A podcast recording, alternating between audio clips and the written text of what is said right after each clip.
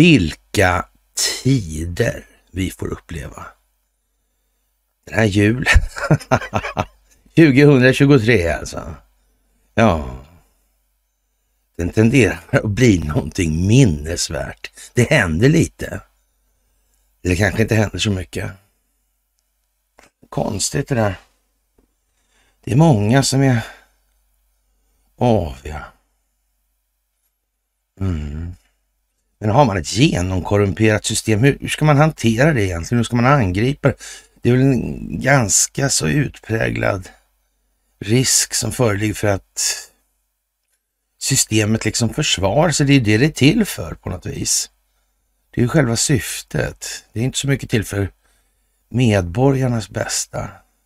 Kanske det som är problemet, det här med insiktströgheten, liksom acceptansen för att det verkligen är så rent faktiskt att systemet är uppbyggt och ägnat att verka för att, ja, allt färre ska bli allt rikare. Liksom mm, på allt fler människors bekostnad. Kan det vara så? Och då måste, man ta, och då måste man ta det här på något vis från insidan samtidigt som man etablerar ett tryck utifrån. Ja, just det. Det är liksom så att den breda massans eller breda befolkningens ja, allmänna medvetna medvetenhet måste öka. Så, men det kan ju bara ske om individens medvetna medvetande ökar. Då handlar det någonstans om det här om, om folkbildning. Det är liksom, blir det kvar på något vis ändå. Det är det enda som blir kvar noga räknat. Eh, och metodvalet blir inte så mycket, det lämnar inte så mycket övrigt att välja på alltså. Nej, det är ju fantastiskt konstigt. Tänk att ingen kunde tänka ut det förut. Eller? Någon kanske? Ja. Kära vänner, det är fredag idag. Mm. Det är faktiskt fredag och det är den 15 december 2023. Mm, det är det. Det är dags för ett fredagsmys. Ja, det är lite handfast nu alltså. Det får man ju säga. Mm. Det är filmpremiärer som ligger i tiden. Det är någon som har tänkt till för opinionsbildningen och de här ska komma då när opinionsbildningsklimatet är tillräckligt moget då. Mm. Det mäts med kvantumdatorer. Det mäts hela tiden på oss. Vi mäts inte minst nu nu gäller det framåt. Duger vi något till överhuvudtaget? Är vi värda vårt salt? Mm, bedriver vi upplysning i den meningen? Att människor faktiskt tar till sig det här med behovet av självreflektion eller är det någonting som... Ja, retrospektiv självreflektion, ja. Märkligt det där med de här äh, ögonblicksbilderna som står så här som vars förändring över tiden så här utgör liksom någon yin och yang historia där. Mm. Självet ja, består av ego ja. Också, det består av annat också men det blir förhoppningsvis mindre och mindre ego efterhand som tiden går och insikterna ökar, alltså förståelsen för de egna känslogrundande värderingarnas betydelse. Mm. Det där är lite speciellt nu. Det kommer tillbaka hela tiden och hackar. Ja. Till och med X22 säger att befolkningen måste känna. Ja. Jo, jo, jo, jo, jo, jo. Men det kommer inte liksom hela linan ut där det, och det går inte. Nej, det går inte. Mm. Och jag tror man kan vara ganska säker på att man, man liksom, även hur långt måste man driva vilka perspektiv för att nå högsta verkningsgrad eller högsta genomslaget kanske, eller största inflektionspunkten om man så vill kanske. Ja. Till insikt, till epifanesögonblicket. Mm. Pengen trillar ner. Ja. Eller poletten kanske, man säger ja. ja. Det är mycket med pengar nu för tiden. Eller det kanske inte borde vara så mycket med tanke på vad pengar är och vad de gör. Mm. Jag vet ju inte. Det här är en aldrig tidigare skådad omfattning på folkbildning i mänsklighetens historia. Det är inte så lite det inte. Nej. Och fort ska det gå. Mm, det vill till att man har ett Ja, eller en informationshantering värd sitt namn och salt. annars kommer det inte fungera. Nej, det kommer det inte att göra. Mm. Det är fantastiskt att få göra det här tillsammans med er och ni ska ha det största av tack för att ni utgör den förändring som vi vill se i vår omvärld och det är naturligtvis någonting som alla behöver göra efter förmåga alltså. Mm. Det duger inte att mm, en grand old man sitter och säger saker. Ni måste liksom titta själva. Ni måste ha er ansträngning för att nå er upplevelse av känslor. Mm, det är så. Det är så ja. Mm. Sen kommer det olika lätt ur olika perspektiv givetvis. Där man inte har så stor känslomässig förankring. Där är det på något vis lättare att utvecklas, otroligt nog alltså. Det är verkligen svårt att tänka ut att det kan vara så, men det är så alltså. Mm. Ja, faktiskt. Och de här verksamheterna som pågår globalt, det här är ju en global fråga det här folkbildningsprojektet alltså. Så vi kan inte liksom göra någonting själva som en del tycks tro liksom. Att vi på något vis är, ja, det, det är som ett kluster det här. Mm. Där den här uh, hydran eller vad vi ska kalla den för, bläck, fula bläckfisken eller skändliga bläckfisken kan man säga också. Mm. Mm, ja, bredit ut sig eller brett ut sig kanske då. Mm.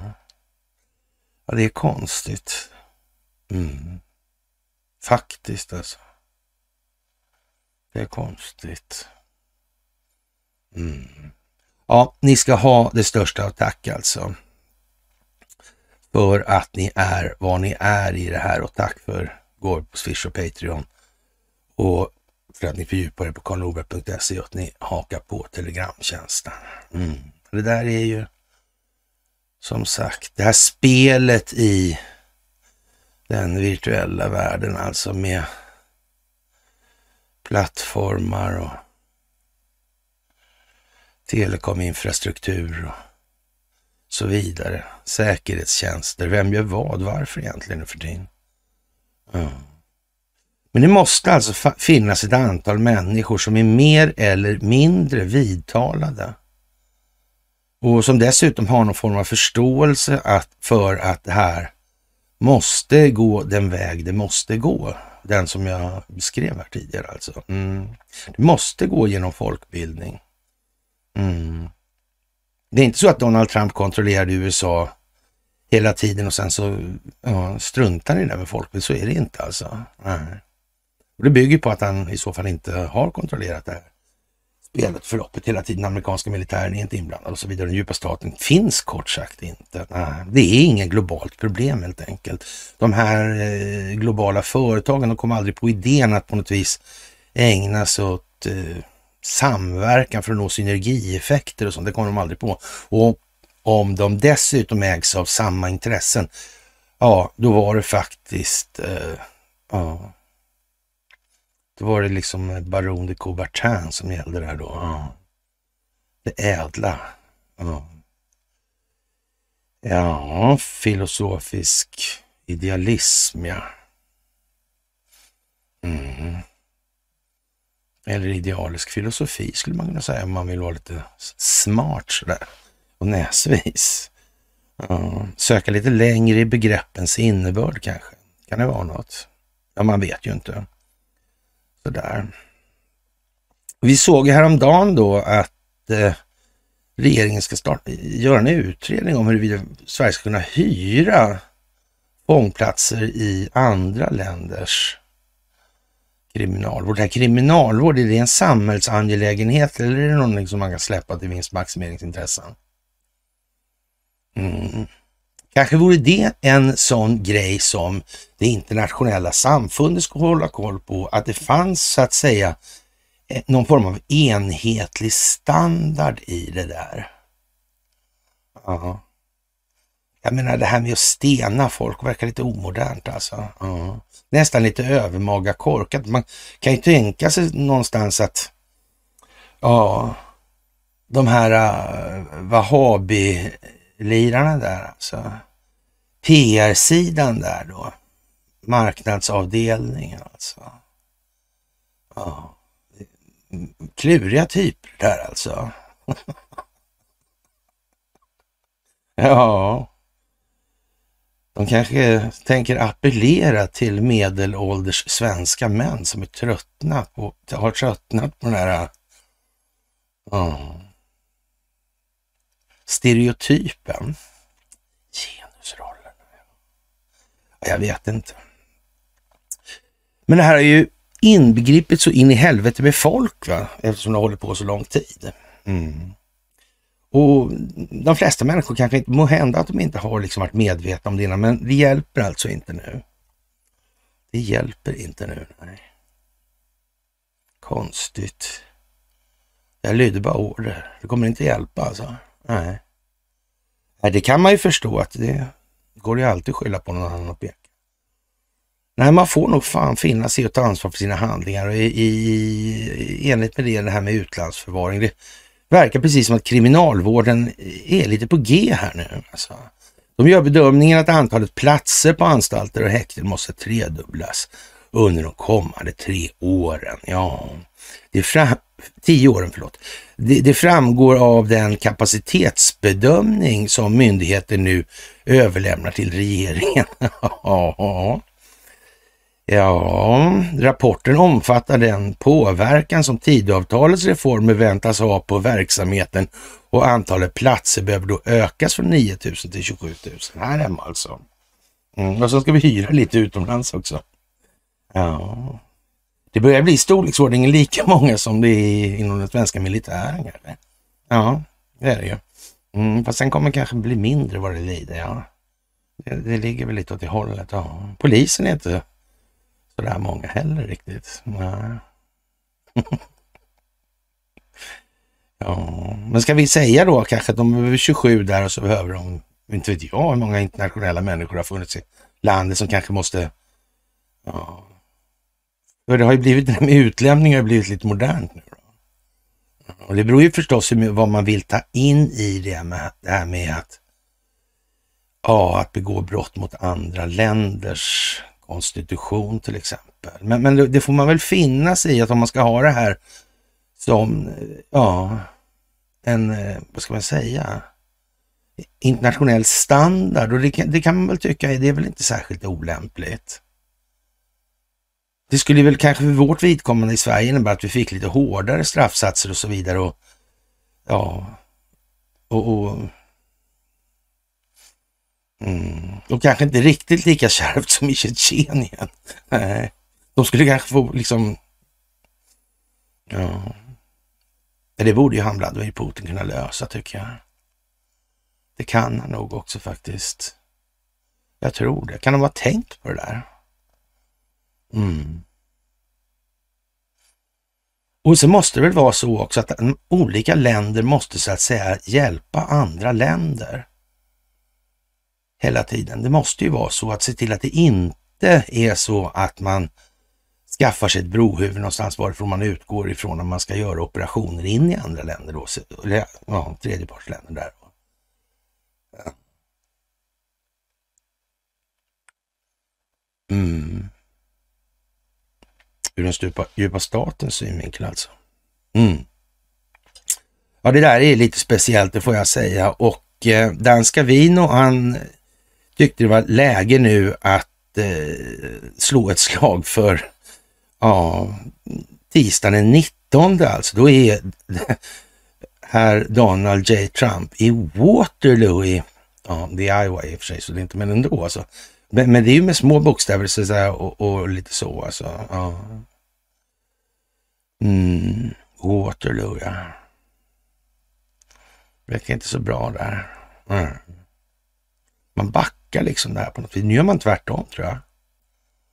Ja, det blev väl lite så också, man ska se det i sin förlängning då med Napoleonkrigen där och Waterloo. Mm. Det var väl så. Det, det, sen gick det åt ett håll. Ja. Ja, allt som hände där alltså. Migrationen, utvandrarna. Mm. Mm. Kvinnor fick ekonomi. Startandet av Enskilda banken. Mm. Ja. Det är lite udda, måste man säga. Och eh, vad, kommer till, vad kommer det leda till? Ja, det kommer gå varvet runt. Mm. Så är det ju. Och vi för vårt vidkommande kommer göra upp med vårt arv gällande institutionaliserad korruption i byråkratin. Mm. Som vi har haft som en av våra främsta exportvaror under hela periodens stormaktstiden. Mm. Är det inte konstigt? Ja. Och en av de här grejerna som jag har haft som käpphäst under väldigt lång tid eh, är ju, ja, ska vi säga, Investors roll under, vad ska vi säga då, tiden från strax, vi kan säga från, från 1900 kan vi säga, eller under hela 1900-talet kan vi säga, det blir enklast så. Och eh, här har det ju liksom funnits en massa saker och, och inte minst då har de här historierna med IG Farben, världskrigen, var licenstillverkning av kanoner åt fältartilleri och Thyssenkrupp där efter första världskriget innan det knappt var slut till och med hade de börjat med det där. Ja. ja. det är väldigt konstigt alltså. Och en sån här som jag har slagit ett slag för och ja, som det egentligen inte, man får lägga myrpussel alltså med små, små, små, små bitar alltså. Och här är det en som har gjort det på faktiskt ett fint sätt alltså. Och eh, vad ska man säga? Han, det handlar om Herman Lickfett alltså, eller Herbert Herman Lickfett heter han. Men, men och det går att googla på både Herbert Herman och också Lickfett. Så, ja, och det här var en udda figur alltså. Verkligen alltså, det måste man säga. Och ja, som sagt, eh, en eh, säregen figur. Det var Europas farligaste man, ansåg de allierade. Mm. Och han var kopplad till ja, sånt som eh, Norsk Hydro eller ja, alla, alla olika Investorbolagen och ja. Och ja, konstigt. Alltså man var segerviss i det här också. Jag tänkte aldrig förlora det här. Ja. Och han var om så kring sig. Han var även i Svenska Bergsingenjörsföreningen. Och, och den där är ju lite lång då kanske inte sådär jätterolig men nyttig att känna till alltså framför allt. Och han var verkligen eh, om så kring sig. Han var ledamot i Stockholms Handelskammare, Exportföreningen, Köpmannaförbundet, Svenska Handelsagenters Förening, Svenska Tennisförbundet från 60 då. Han var även medlem i Svenska Teknologföreningen, han var även i Bergsingenjörsföreningen och Svensk-tyska föreningen också. Var han. Och jag vet inte vad man ska egentligen säga om det här alltså. Eh, naziagent och ägande i svenska bolag och bulvanverksamhet. Det är ju liksom eh, jätte, som det är under första världskriget arbetade i Skandinavien för den tyska underrättelsetjänsten och en amerikansk rapport betecknar Lickfett som en av de farligaste och mest betydande naziagenterna i Stockholm. Ja, och, och OSS drog slutsatsen att Lickfett var den rikaste nazisten i Stockholm som gav generösa bidrag till nazistpartiet och dess organisationer. Han stod även som ägare till Nordiska Instrument AB och Svenska Radiobolaget, häpnadsväckande nog. Ja. Och eh, ja, vad ska vi säga? Eh, ja, en, enligt enig, enligt, så så. Enligt Berlin eh, NV7, IG Farmers egen spionorganisation, som hade ett nära samarbete med nazistiska underrättelsetjänsterna. Standardförfarande blev Likfett svensk medborgare 35 och blev av nazismens främsta anhängare i Sverige. Han hade en stor privat förmögenhet och egendomar lite varstans i landet. Och det här IG Farben, det var ju Bosch och det var kemiindustrin och så vidare här. Ja, ThyssenKrupp och ja, samma gamla vanliga gäng helt enkelt. Och efterhand som någon tog sig möjligheten att ha kontroll på informationshanteringen, då fick de andra spela nere i orkesterdiket alltså. Mm. Mm. Ja, och sen gick det så långt så det var råttfångare från Hammel med det där. Då gick de och gömde sig någonstans i kulisserna. Sen så fick de andra spela med ändå liksom. Ja. Och ja, det där är eh, någonting som de allierade kom på. Mm, Washingtonförhandlingarna och Operation Safe Haven där ja. Mm. Ja, vad ska vi säga, not 54 brukar jag ju hänvisa till i det här i Bors härvan där, eller Borsutredningen av Olsson. Borsaffären heter den. Mm. Ja, jag vet inte. Det, det är vad man ska säga. Det där är viktigt alltså. Och det här med tungvattentillverkningen i Rukan och Ljungaverk och så vidare. Det är nog rätt viktigt att världen får känna till det här och kan det. Det är nog faktiskt eh, speciellt alltså. Och Norsk Hydro var ändå Europas tredje största kvävetillverkare. Det startades alltså av familjen Wallenberg. Mm. Ja. Mm. Och man exporterade tungvatten till Tyskland och amerikanerna sa ingenting. Var inte det konstigt? Det var okej okay att man gjorde så. Uppmuntrade. Ja, det är ju speciellt. Ja, och det där är väldigt sådär, äh, ja, klargörande kan man väl säga i, i dagens läge. Och det här kanske amerikanarna skulle behöva få sig till livs då för de som känner sig manade och, och, och sprida det internationellt. Där nu. Det, det, kan ju vara bra kanske, för innan de har kommit fram till det där, det kan jag säga så här, då, då kommer det ta lång tid. Där får vi nog skicka ut lite helt enkelt. Det kommer inte så lätt det där alltså. De har varit, som sagt, de var främst i klassen på sopa igen där skrev jag redan, ja när det kan vara. ja, bäst i klassen tror jag det räcker att googla högst på bloggen. Mm, jag tror inte jag använder det uttrycket sådär äh, jävla många gånger. Jag vet att jag använder det i den artikel, en artikel i alla fall. Ja. Och Tyska handelskammaren, ja. Som stängdes ner direkt efter segerdagen. Ja. Och utrikesdepartementet tog över alltså. Ja. Ja. Och utsåg Likfett till chef. Ja, Mm. Och Likvets eh, uppgifter då gick ut på att bevara kammarens integritet som man säger. Mm. Se till att inte de blir av med tillgångar alltså. Ja, och utesluta korrumperade personer eller compromised. Mm, komprometterade. Mm. Ja. Hm. Konstigt. Mm. Ja. Å andra sidan pekade OSS källor på att svenska utrikesdepartementet föredrog att se handelskammaren avvecklas.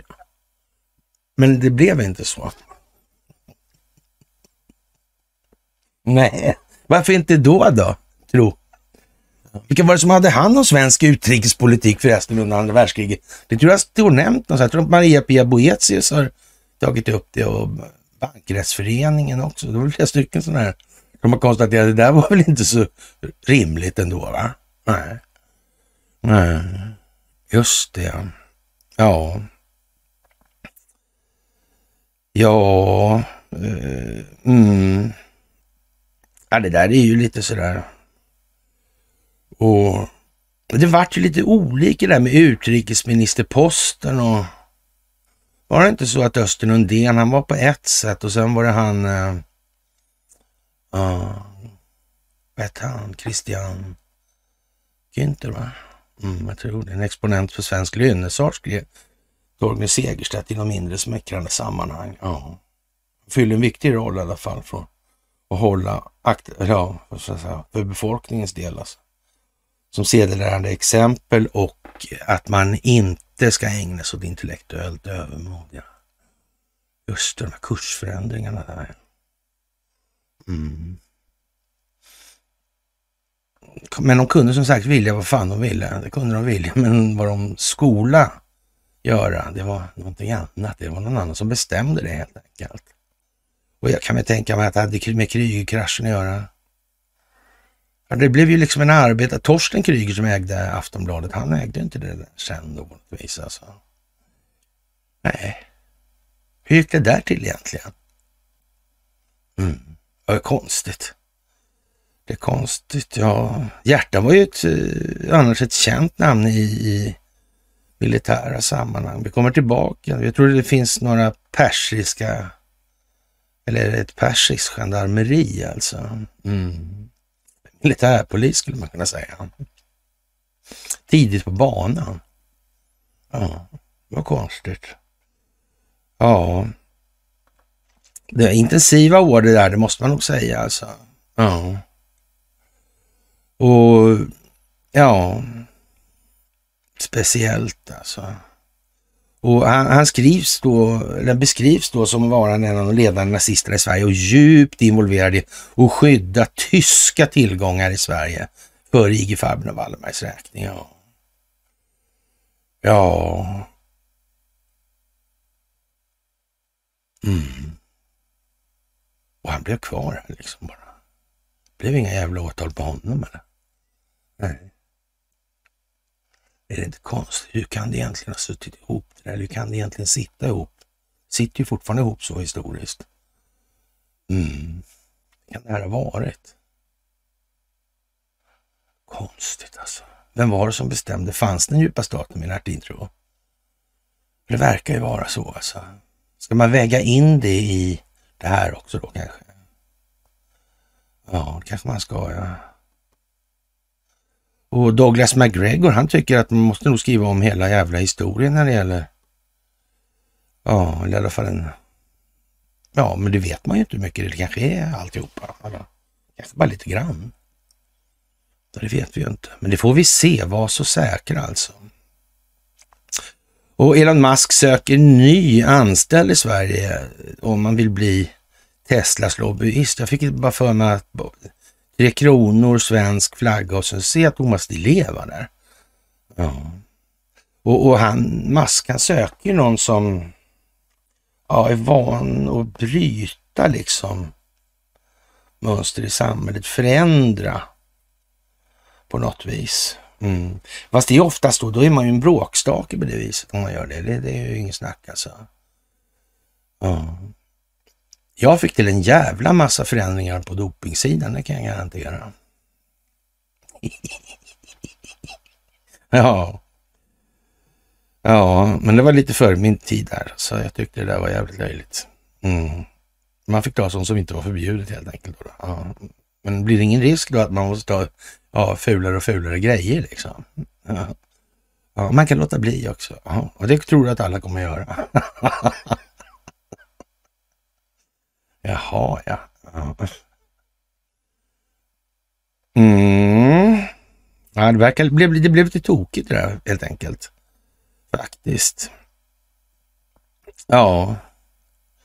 Och eh, det här med fackverksamheten och Sverige. Saltsjöbadsandan. Är det liksom någonting att fästa sig vid? Är det något viktigt tro? Kan det vara så att det där har var så att säga i säck innan det kom i påse? Det oftast bygger det här då ungefär som vi säger att det här måste ju ha, no man måste ha en längre planeringshorisont och det eh, inkluderar ju eftersom man båda existerar nu då så handlar det ju mycket om varifrån ska man ta ut det här då. då? Utgångspunkten som går genom nuet i en tangent då.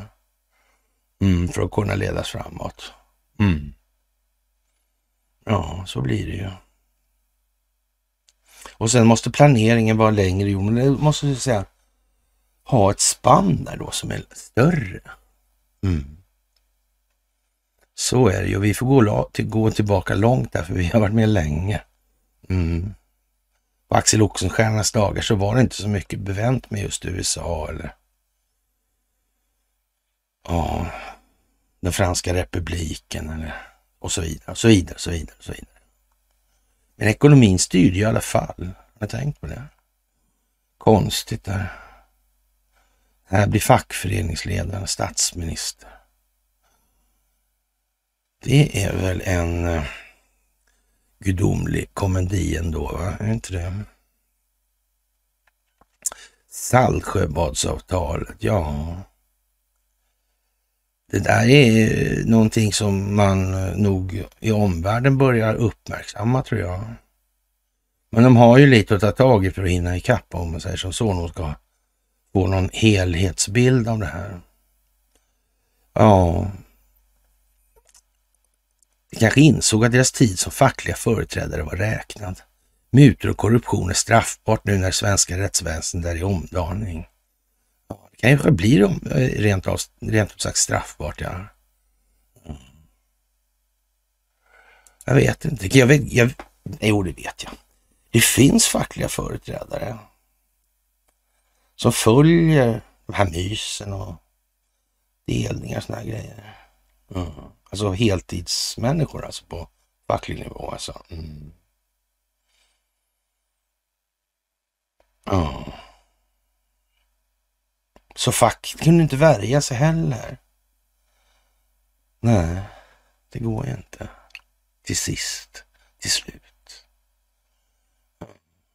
Men de måste ju vakta sig så inkommer och stjäl hela fackföreningsrörelsen för dem.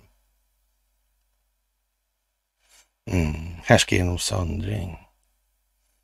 Kan behärskas genom söndring. Mm. Det är också en sån grej. Och en komisk grej är att Fredrik Spendrup blir strategisk rådgivare för ett solteknikbolag här alltså. Ja, Absolicon. Det låter som någon form av bedrägeri alltså. Mm, absolut. Mm. Mm inte det är lite märkligt? Ja, de har ju en del i bagaget, det, det, det är inget snack om sådär. De har ja, spelat en roll som kanske inte är sådär speciellt mycket bättre än vad Carlsberg har gjort. Mm. Det kan ju vara så. Mm. Jag tror att det är så faktiskt, rätt så säkert. Det var många saker en gång i tiden som var konstiga som jag uppfattade. Mm, faktiskt. Ja, ja, ja, det blev ju lite flame på Drottninggatan hade någon kommit ihåg det. Kan man säga faktiskt. Och, och kändismännen som driver det nya idealet som är så androgynt som man vet inte. Ja, det är ju seriöst alltså. Ja. När människor inte ens är säkra på sitt eget kön. Ja, då har man kommit en rätt så liten bit i förhållande till sig själv alltså. Mm. Och har man inte ens det klart för sig, ja då är det nog svårt att, att, så att säga, bedöma huruvida man är sund i huvudet eller inte. Nej. Faktiskt. Elva personer har dödats och ytterligare flertal skadats i samband med en attack mot en polisstation i sydöstra Iran, rapporterar AP. Ja. Elva ihjälskjutna. Ja. En hel del. Vi kommer tillbaka till det här ja, iranska polisen, iranska militären. Mm. Ja, det där är konstigt. Mm. Vilka tider det var där i början på 1900-talet. Alla friska typer som åkte runt och militärade sig. Mm. Ja, de fick svärdsordnar också, tror jag de fick ofta. Det verkar ha varit populärt. Mm. Jag tänk på han. Ja. Ivor Thor Grey, ja. Mm. Det är inte så att någon jävel satt i system där. Vilka var det som satt i riksdagen där, där fyra, fem? Det var väl... Ja. Ja, en hette Wallenberg och en hette Warburg. En annan hette Lindman. Ja. Hur var det med Staff? Då var han där också då kanske? Överlag alltså. Det var ett litet gäng alltså. Mm. Tänk de som har beskrivit den svenska 1900-talshistorien. Eller tänk den som har gjort det. Mm. Kommer vi tillbaka till dem igen. Det är konstigt det där. Ja. Försvaret ja. Mm. Erdogan och Biden i samtal om Sverige. Ja.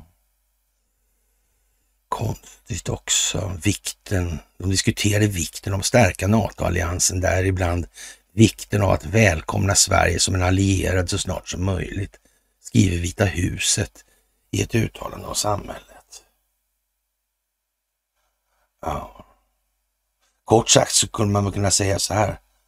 Varför skulle Erdogan anse att det skulle förstärka NATO att ta med Sverige? Allvarligt talat, han, måste väl, han tycker väl ändå att det är mest problem eftersom han inte har tagit med dem. På något vis. Eller? Det är ju väldigt märkligt alltså. Det blir nästan öppet nu alltså. Ja. F16-frågan diskuteras också under mötet, skriver det turkiska presidentkansliets kommunikationsavdelning. Ja. Det här är väl konstigt. Men vi har ju det här avtalet alltså. Ja. Mm. Turkiet och Ungern är de enda NATO-länderna som inte sagt ja till Sverige-alliansen. Mm. Och Orban lämnade något möte här om budgeten och bidrag till Ukraina. Ja. Ännu en rapport räddar inte EU. Mm. Alltså det känns lite som att det här handlar rätt mycket om att, eh, ja, övergripande, ja, sådana här institutioner då, som EU och NATO. Kanske Israel. Mm. Det är vad det är då, om den djupa staten har bestämt det här hela tiden. Ja. Man kan tro det i alla fall. EUs problem är i alla fall inte brist på kunskap, står det i Svenska Dagbladet. Analyser och rapporter utan en flera decennier lång oförmåga att göra någonting åt det som är väl känt. Man lyssnade inte på Mario Monti. Frågan är varför man skulle lyssna på Mario Draghi eller Enrico, Enrico Letta. Europa kan inte längre lita till USA för sitt försvar. Kina för sin handel och Ryssland för sin energi, konstaterar Mario Draghi i en essä i The Economist här, tidigare i höstas. Då. Den snabba geopolitiska förändringen och Europas sårbarhet har gjort våra strategier otillräckliga, osäkra och oacceptabla. Draghi har naturligtvis rätt. Och ska våra strategier bli tillräckliga, säkra och acceptabla behöver Europas konkurrenskraft stärkas dramatiskt. Det behöver man inte ha varit italiensk premiärminister för att förstå. Nej, det behöver man faktiskt inte, men det innebär ju samtidigt någon form av blind fläck alltså. Det sitter dammkorn i ögat helt enkelt. Ja. Den är, ja. Den är, dammkornet är stor som en rullsten från istiden liksom. Mm. I ögat. Så man ser inte vad som är problemet i det här, varför det har blivit så här. Varför det här är helt... Eh, det där är ju redan nyset. Konkurrenskraft, ja. Ja. Det har väl med priser att göra då, tror jag. Ja, någonstans i alla fall. Och det har nog definitivt med betalnings systemet, det valutafinansiella systemet att göra. Ja. Så är det nog. Men tänk om det är skuldmättat. Tänk om det är det. Ja, det kan det ju vara. Börjar likna det i alla fall. Mm. Men eh, det skulle ju per definition innebära att om det kan bli skuldmättat så finns det rätt mycket som inte bara tyder, inte ens diskret, att det faktiskt finns någonting som man skulle kunna kalla för den djupa staten. Mm. De verkar på något vis sitta ihop den här skuldmättnadsbegreppet och den djupa staten. En del kan inte sätta ihop dem, det är inte läge för det helt enkelt. Nej, det är inte det. Mm. ja, amerikanerna vann sin frihet genom kulor och krut och en inte obetydlig mängd blod var det någon som skrev någon gång. Ja, men så kan man säga. Men vi borde nog kunna höja oss lite över det.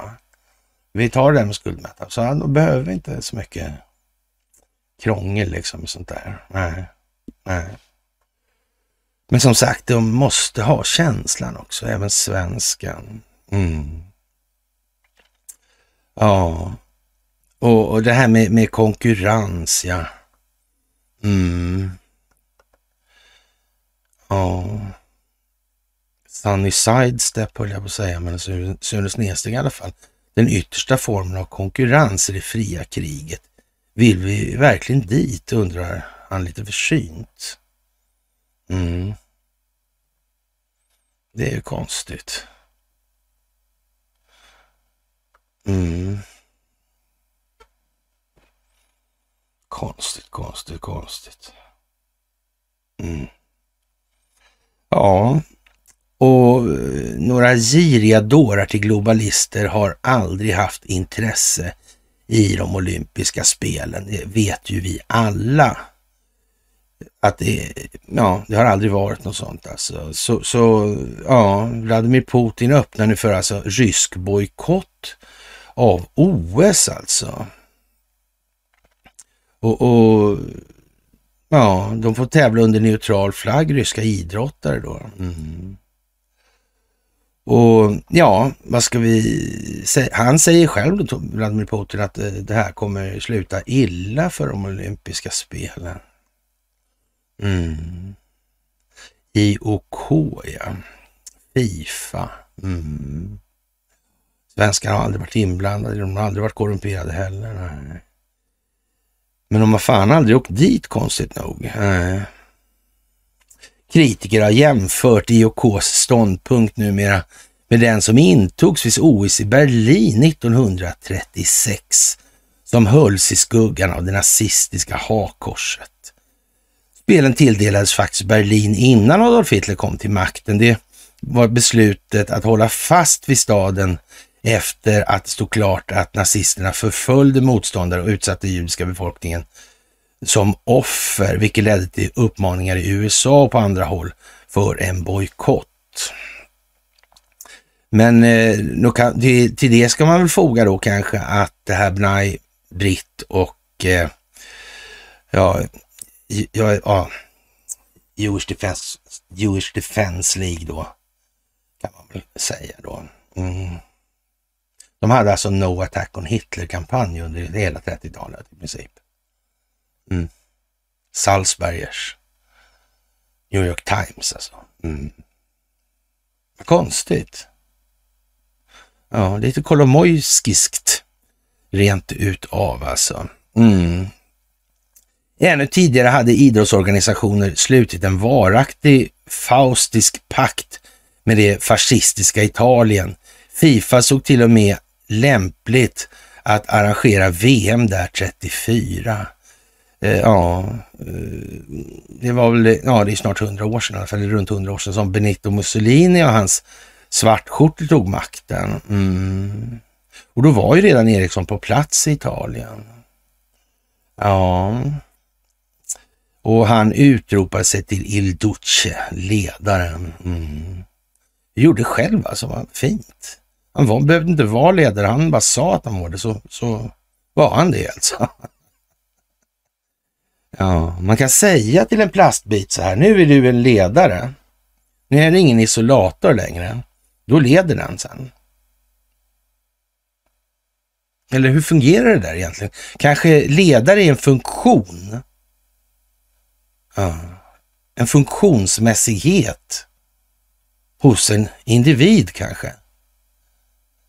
Kan det vara så? Det här verkar oerhört komplicerat att förstå. Mm. Jag har faktiskt medverkat till att skriva böcker i ämnet faktiskt hos, eh, ja, och, och, med hjälp, eller ja, åt, till med en tidigare fru alltså.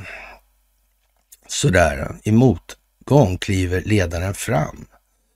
Och det, det, är eh, en bok som alltså tar sikte på ungefär på den nivån, alltså så man inte förstår. När man inte förstår sådana saker som att ledare är en funktion till exempel, då är det bra om man får klart för sig det som man lär sig skilja på en, så att säga, ja, e, en position eller vad man ska säga, en organisation. Ja, som kan kallas chef till exempel. Mm. Det kan man säga. En ledare och en chef har helt olika funktion. Mm.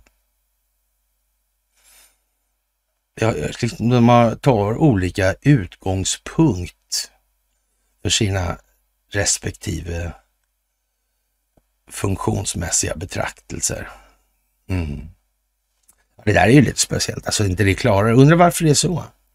Jag vet inte, chefen. Ja, det är rätt många människor som inte har det klart för sig, konstigt nog alltså. Ja.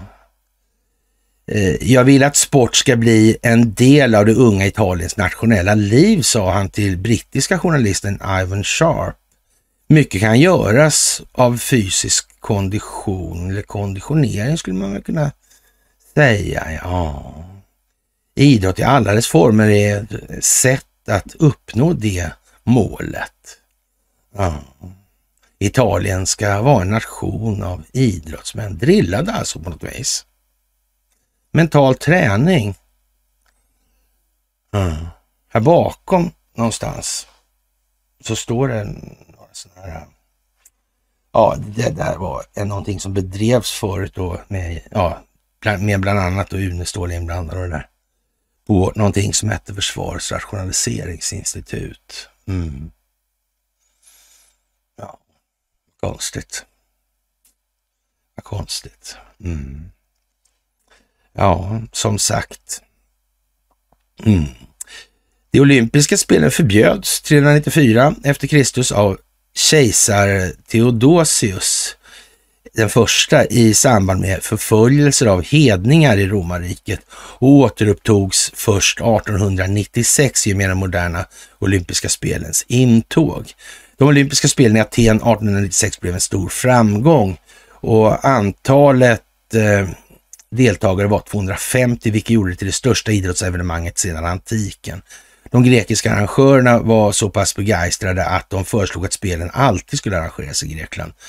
Men efter denna första framgång eh, hamnar rörelsen i kris. Spelen som följde i Paris 1900 och i St. Louis 1904 präglades av dålig organisation och litet intresse. Spelen arrangerades i samband med världsutställningen 1906. Ja, eller 1906 följde så en återgång till Aten då extra spel genomfördes. Intresset återuppväcktes och 1908 ägde spelen rum i London. Men dessa extra spel i Aten räknas inte till spelen officiellt och 12 så var det ju solskensolympiaden. Mm. Då jävlar alltså. Då låg man i startgropen och tänkte införa Fed i USA. Mm. Ja, man tänkte dra igång första världskriget. Mm. Så man kunde sälja krigsobligationer. Och så vidare och så vidare. Ja, konstigt. Gynnsamma handelsavtal med Kina. Mm. Svarta drakens växande inflytande i Japan. Det militärindustriella komplexet i Japan. Mm. Ja, fantastiskt vad grejer har hänt. Mm. Sen händer saker i Mellanöstern. Precis samtidigt där. Då dök de där svenskarna upp. Just ja. ja vi kommer tillbaka till den där. Mm. Märkligt. Mm, Persien där. Var det förberett när? Och Gustav Oskar han, han dök ju förresten upp ner där i ja, när Osmanska riket sönderföll liksom där och innan freden i Lausanne där på något vis. Fransmännen ville, ja just det, det var det där med Sykes-Picot ja. Det hade att göra, det som skulle komma, det var den där Balfour och sen av det där Balfour så vart det, när man hade tagit av tyskarna sitt mandat så gjorde man ett, ja, Ja, ja, ja, ja, ja. Palestina, ja. Hm. Mm, konstigt, eller det var inte planerat eller? Det var ju inte det. Det var det ju inte. Nej. Ja, man vet inte. Eländes elände helt enkelt. Fortsätter så här kommer det att begrava den olympiska rörelsen, säger han i alla fall. Vladimir Putin. Kan han mena allvar alltså? Vad har det där varit, varit egentligen för någonting? Har det hela tiden varit någonting som har varit ägnat att... Ja, det kan ha varit det alltså. Ja. Tänk att både Mussolini och Hitler och ja, Volpi de Moserrat, ja. Hundra år med Eriksson där. Nu var det visst 105 år, fast det bara var... Ja, det är ju jättekonstigt. De har inte ens rätt med, De klarar inte ens rätt att hålla reda på datumen. Nej, tänk att han den här... Äh, ja, det var konstigt. Alltså han kom flera år för tidigt. För att fira det där. Han, han den där äh, italienska pre presidenten tror jag han var. Va? Ja, det var han ju. Mm. Och, och kungen hade också. Eh, eh, ja, jag fattar inte det liksom. Kungahuset kan inte ens klockan liksom. Ja, det verkar ju märkligt alltså. Tideräkningen är ur led alltså. Mm, det kan man nog konstatera att den är alltså. Ja. Eh, ja. Det verkar eh, speciellt alltså. Och hotellen är fullbokade förstås i Paris för 24 års... Mm. Undrar om ett hotell är en bra tvättmaskin. Jag menar, det blir inte så dyrt om man inte behöver städa det. Nej, det blir det ju inte. Man håller mest kanske öppet för syns skull då. Jag vet inte. Och eh, det här med hur ser det ut i USA då med den här opinionsbildningen eller det här folkbildningsprojektet. Och det visar sig nu att Donald Trump slår den sittande residenten här underlivsporslin i alla sju swingstates alltså.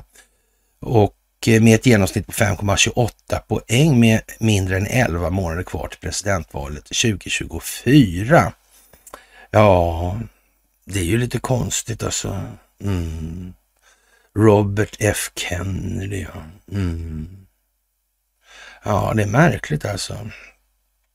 En annan sak som är kanske inte så märklig, men kanske har bäring på det här med alltså efterfrågan på kriminalvård. Alltså den ja, prognostiseras gå i, alltså i, upp i himlen bara, alltså rena exponentialfunktionen alltså.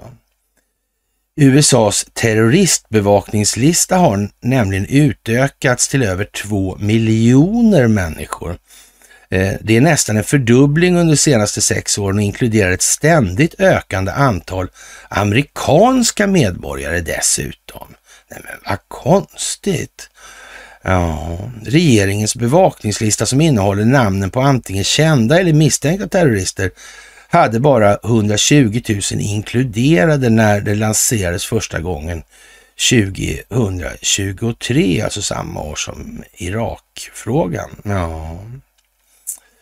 Och det passerade 1,1 miljoner 2017 och passerade 2 miljoner för första gången den här månaden. Det verkar liksom gå uppåt hela tiden. Vad kan det bero på? Har det skapats så mycket terrorister tro, eller är det något annat?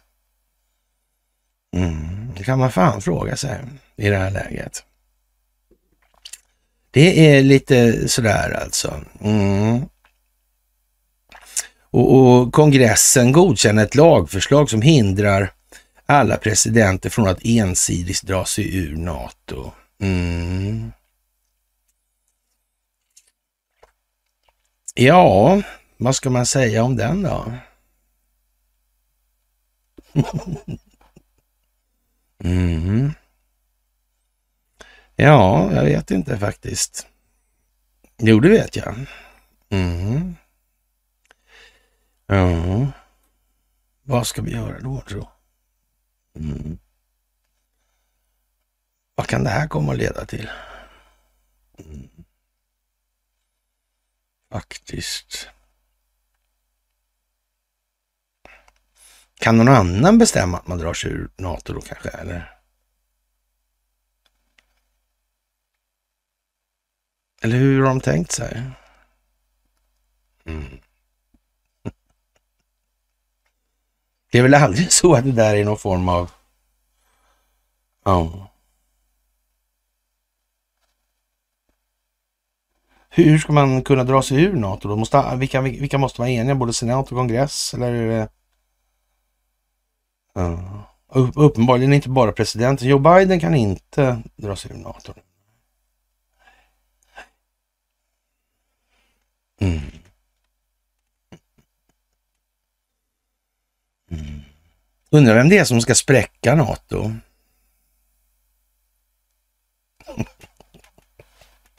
det kan man ju undra. Det är svårt att veta faktiskt. Sådär. Mm. Ja. Och ja, det här ja, sentimentet med anti-Trump där. Hur går det för dem egentligen? Ja, jag vet inte. Det går nog rätt bra faktiskt. Det kan man säga. Men, men eh, ja, den djupa staten är ju inte så där jävla pigg och glad idag. Det är den inte. Nej. Faktiskt. Och ja, man har försökt rätt mycket får man ju säga. Det har blivit rätt mycket exponerat och det kommer bli mer alltså som en konsekvens av som, vad som tidigare har varit. Ja, så är det ju. Så är det ju. Mm. Ja, man behöver inte vara särskilt logiskt begåvad för att se det här nu. Det går nästan inte att missa faktiskt. Ja. Det handlar om att för första gången etablera ett system som faktiskt utgår ifrån befolkningens vilja. Inte utifrån den ekonomiska maktens vilja. Mm.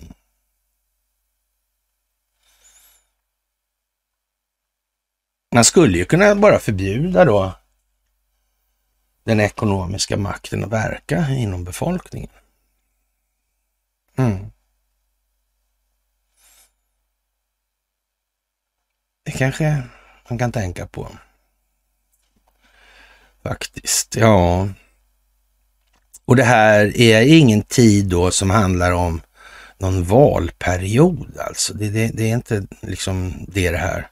Det är, är frågan om att människor, befolkningar, ska första, för första gången få vara med och bestämma någonting och då krävs det att de vet någonting så att de kan bestämma om någonting. Det, det är liksom så det är. Alltså, man ger inte laddade vapen till, eller eldhandvapen till små barn. Nej, inte. Faktiskt. Och det här är den största politiska rörelsen överhuvudtaget som har ägt rum på planeten. Det har aldrig varit något så globalt. Och eh, ja, och det i sin tur kan man ju koppla då till till exempel en av de här filmpremiärerna. Den är, den är lite rolig den där filmen på det sättet alltså. Det handlar om ufon alltså, Arrival alltså heter den. Ja. Och, och, fast ändå handlar det inte alls om ufon. Ja. Det handlar om språket, det handlar om kommunikationen. Det handlar om att förmedla signalvärden. Mm. Det handlar om kommunikation, förståelse mm. i det här. Det handlar om ord. Mm. I alla fall vad vi uppfattar som ord fortfarande. Mm. Det där är mycket, mycket tänkvärt i det här läget. Och då får man faktiskt finna sig i att tänka lite på, undra egentligen vad den här språkvården har syftat till. Ja, det kan man fråga sig. Mm.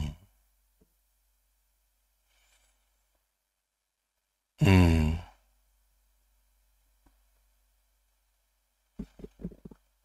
Ja, det där är speciellt. Det, det, är bara så. Den där filmen är väl värd att se. Och om man tänker efter vad det är och inte titta på bilderna för mycket, så, så här första flashintrycket sådär alltså.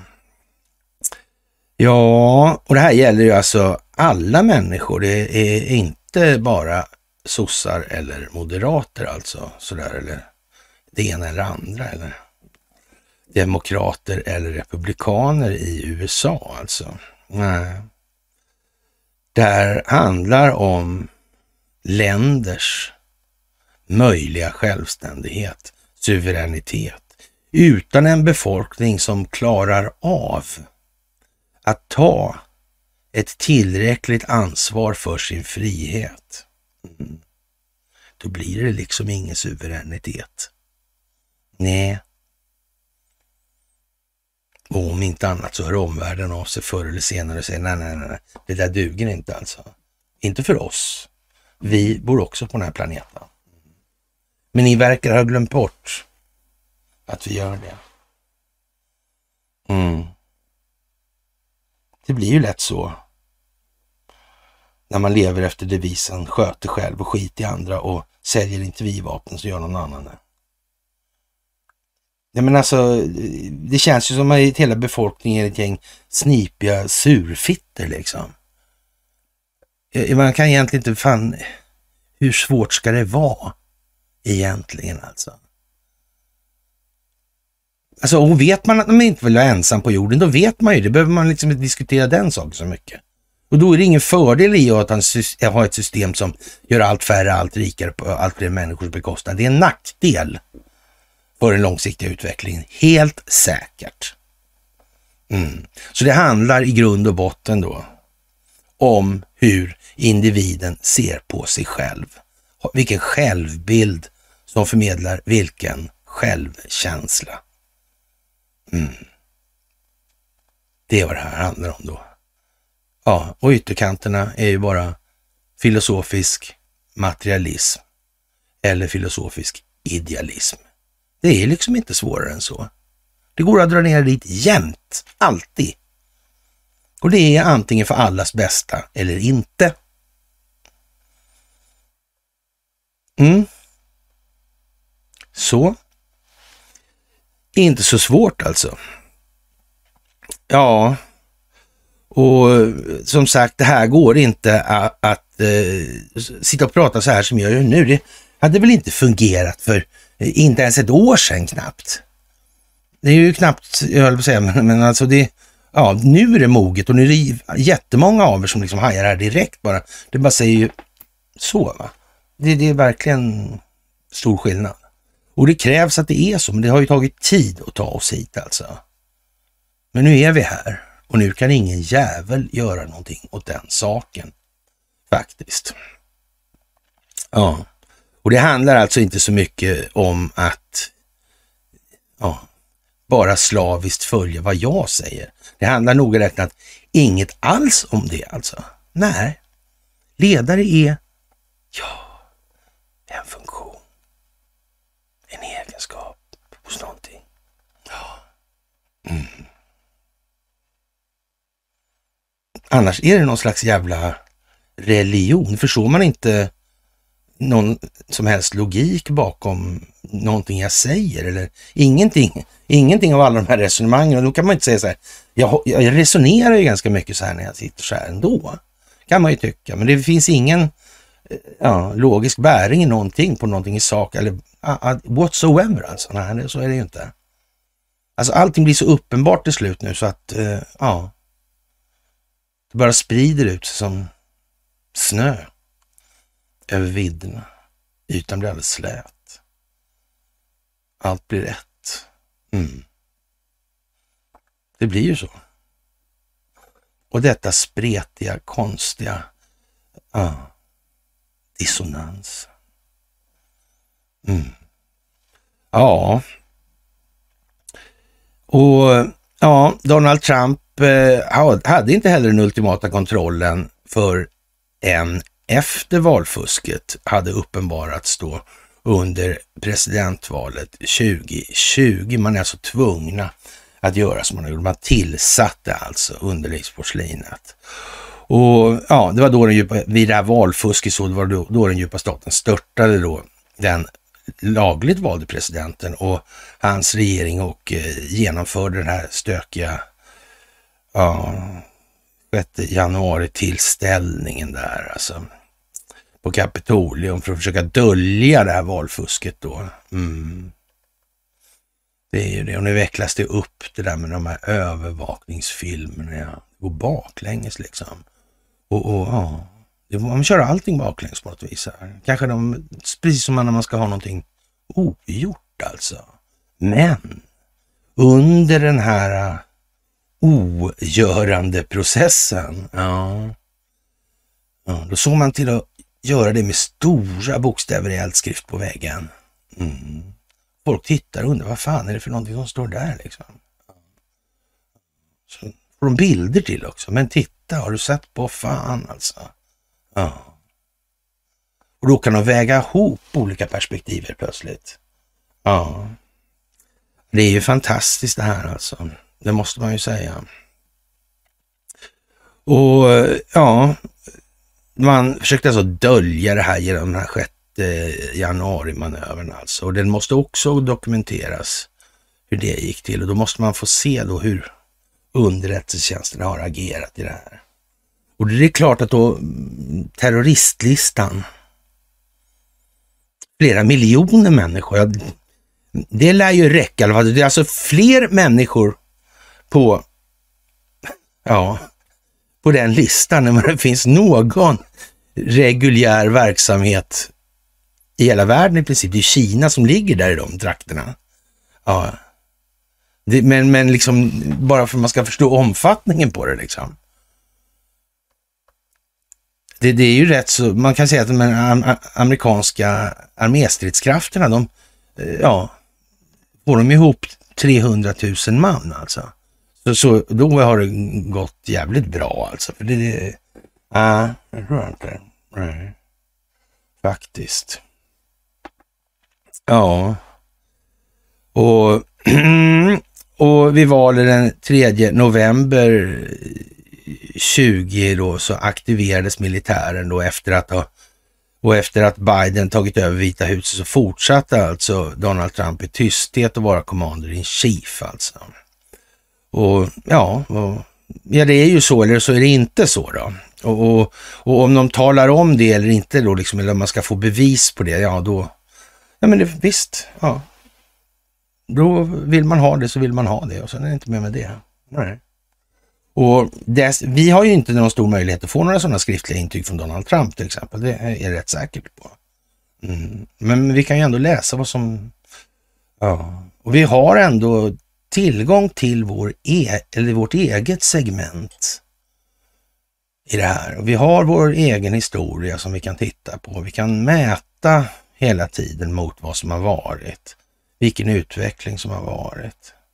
Och, och, och se liksom att det är samma affärsintressen bakom ja, förlängningen av de gamla opiumavtalen 1907 där. Ja.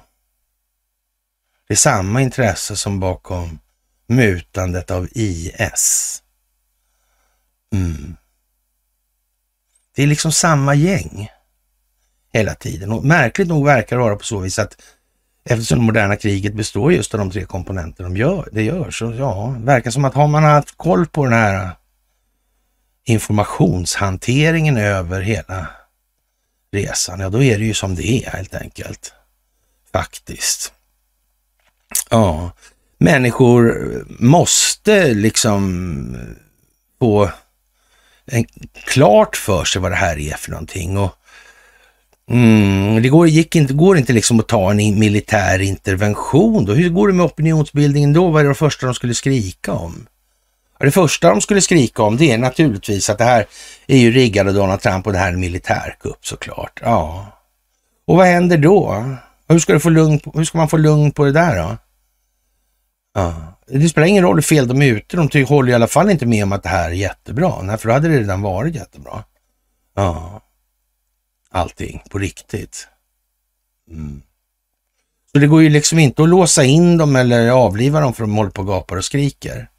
Det är ju liksom inget option, för då har man ju blivit precis likadan som det som man säger sig vilja motverka. Ja. Det är ju så, men det går lika förbannat inte att köra det här öppet liksom sådär. Nu gör vi så här för att. Ja, men vad fan blir det för... Ja, det blir bara rörigt. Och de kommer greppa tillfället i flykten och destabilisera allt vad de kan. Det finns inga andra möjliga vägar än att göra just så här. Och det har aldrig någonsin funnits det heller. Och vi har alltid hoppats på att det inte ska bli militärer på gatorna av någon sån jävla anledning alltså. Mm. Då är det något som har gått fel. Då har folkbildningen misslyckats på så vis alltså. Mm. Det ska aldrig kunna bli så. Det går inte. Det måste fastställas rättsligt och så vidare. Och där har ju USA sin konstitution och det har inte vi. Så kan man säga. Så i vårt fall så kan man säga att vi hänger på något vis lite i luften då. Och det har ju gått ut på hela vägen då att visa befolkningar vad den djupa staten är och vad den står för och hur den agerar och så vidare. Så därför är vi här nu då. Och befolkningen måste förstå det här att det är ingenting att hoppas på att man ska få hjälp här på det viset. Och det kan man ju säga så här. Eh, vi är nog rätt så unika på planeten i den meningen alltså. Det är nog inte något annat land eller några andra länder som har en så in i helvete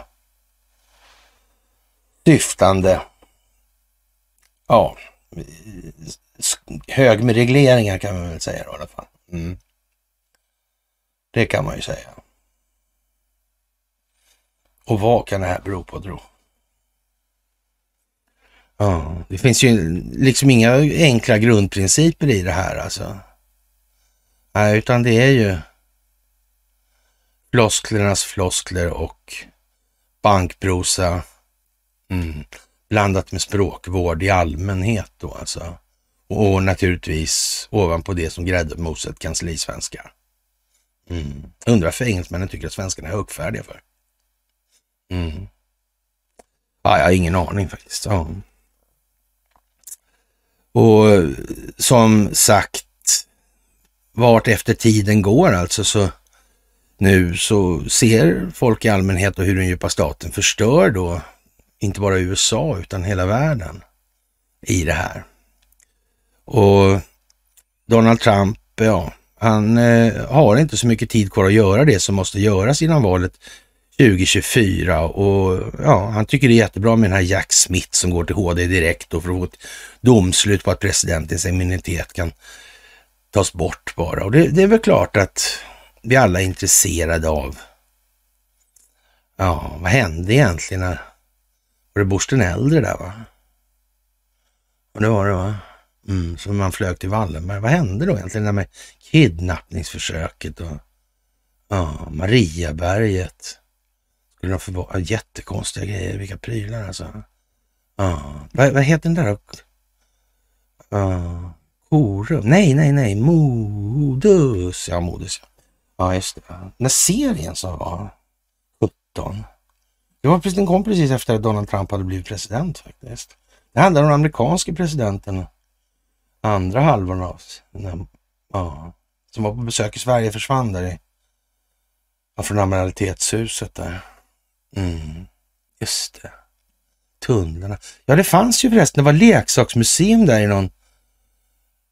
Ja, det var det va? Ja, tänk att de var så dumma och... Jaha, vad dumt av dem att lägga en ledningscentral utan flyktvägar. Vad tokigt, vad dumt. Nej, just det. För I den filmen fanns det, eller den serien fanns det ju någon sån här gång där va? Som presidenten tog där. Men där de kom bort, ut borta vid Beckholmen va? Ja, kryssardockan där. Klordockan. Just det, så var det ja. Mm. Vad märkligt. Så undligt allting är. Ja.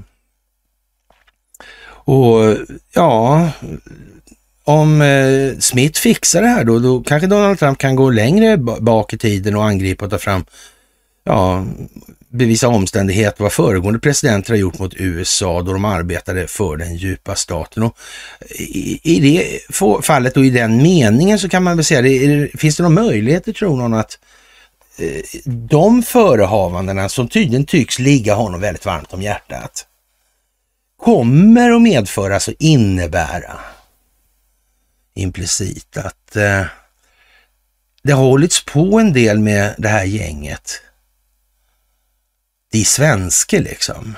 Ja. Kan det vara så att det liksom ska upp? Då kan man säga, då är det mycket som kommer att förändras för svenskt vidkommande på den internationella scenen. Det verkar precis som att han... Ja. Och när vi ändå är där bak, alltså ända där bak, ja då är väl frågan alltså. Vet CIA vem som har skjutit Olof Palme eller mördat Olof Palme eller gjort sig av med Olof Palme? Varför tunnelgång? Finns det tunnlar där också kanske? Finns det tunnlar ända från Skandiahuset ut i Beckholmen till exempel? Kan det vara så? Jag vet inte. Nej. Eller kanske jag vet. Ja, jag har i alla fall haft någon krog där på gatuplanet. Med källare faktiskt. Sådär, alltså. mm. sådär ja. Ja, och eh, vad kan de ha pysslat med? Ja, Clinton. Mm. Clinton Foundation, Ericsson. Ja. Men det krävs nästan att man inte har så mycket att dölja, va? Om man ska göra sådär, tror jag.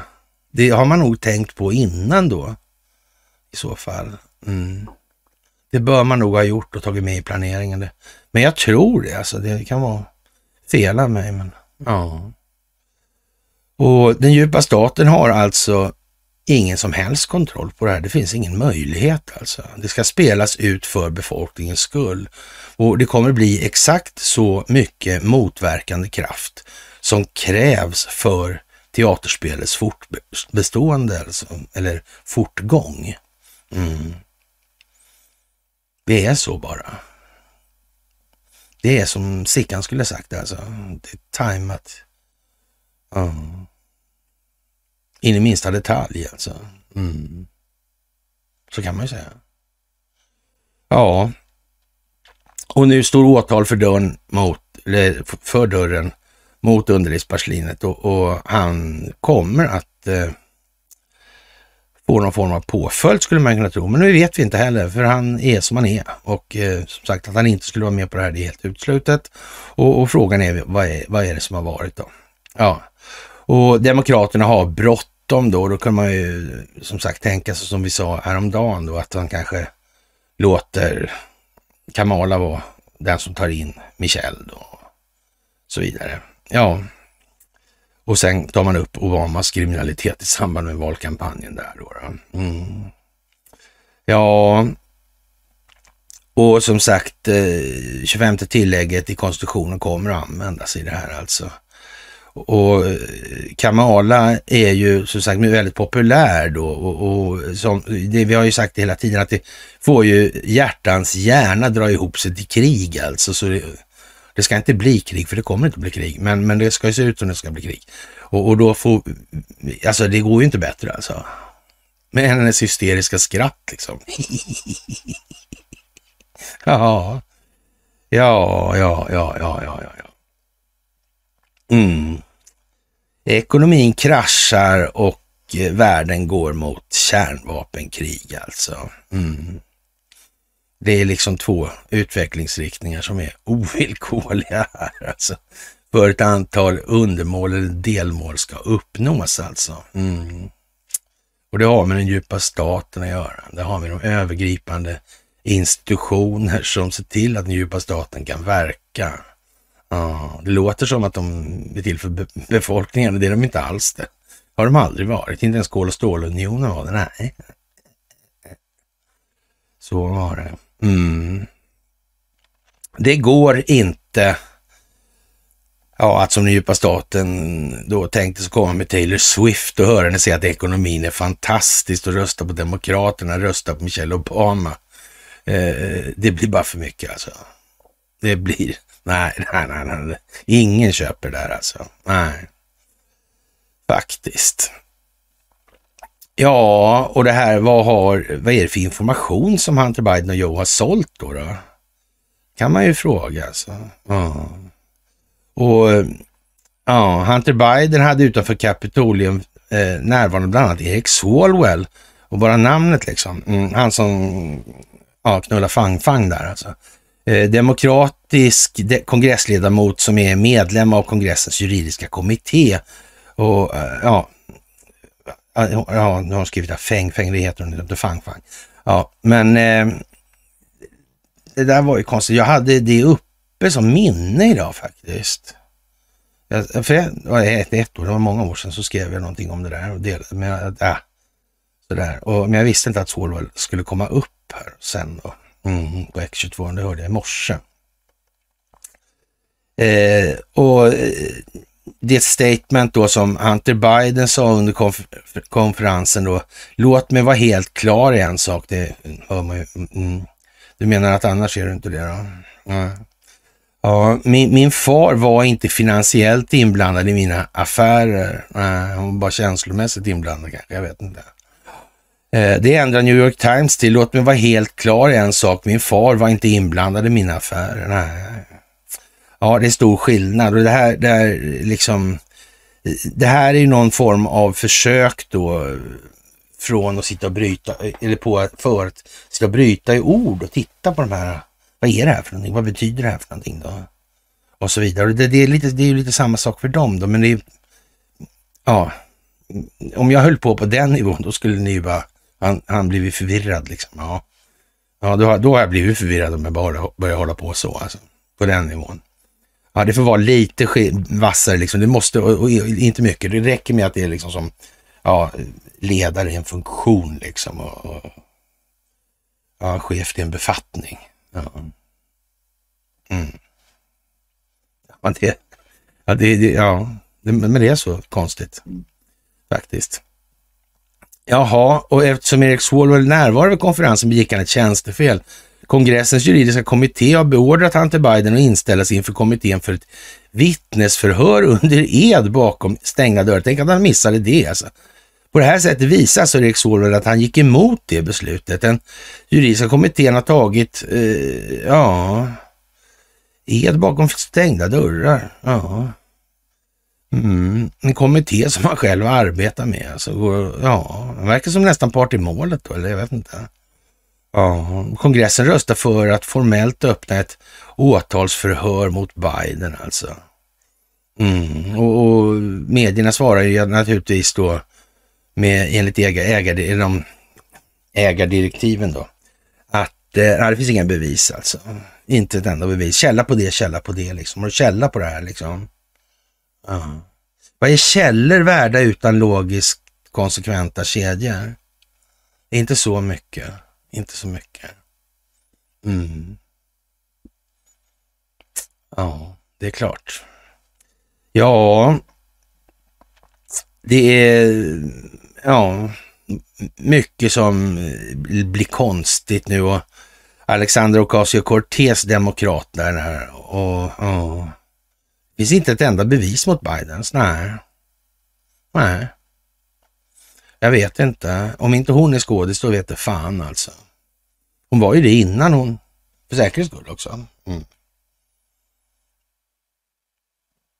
Det, det, det, var helt givet alltså. Hon kan inte möjligtvis. Nej. Nej. Faktiskt, alltså hon zombien där som presstaleskvinnan där. Nej. är också sådär.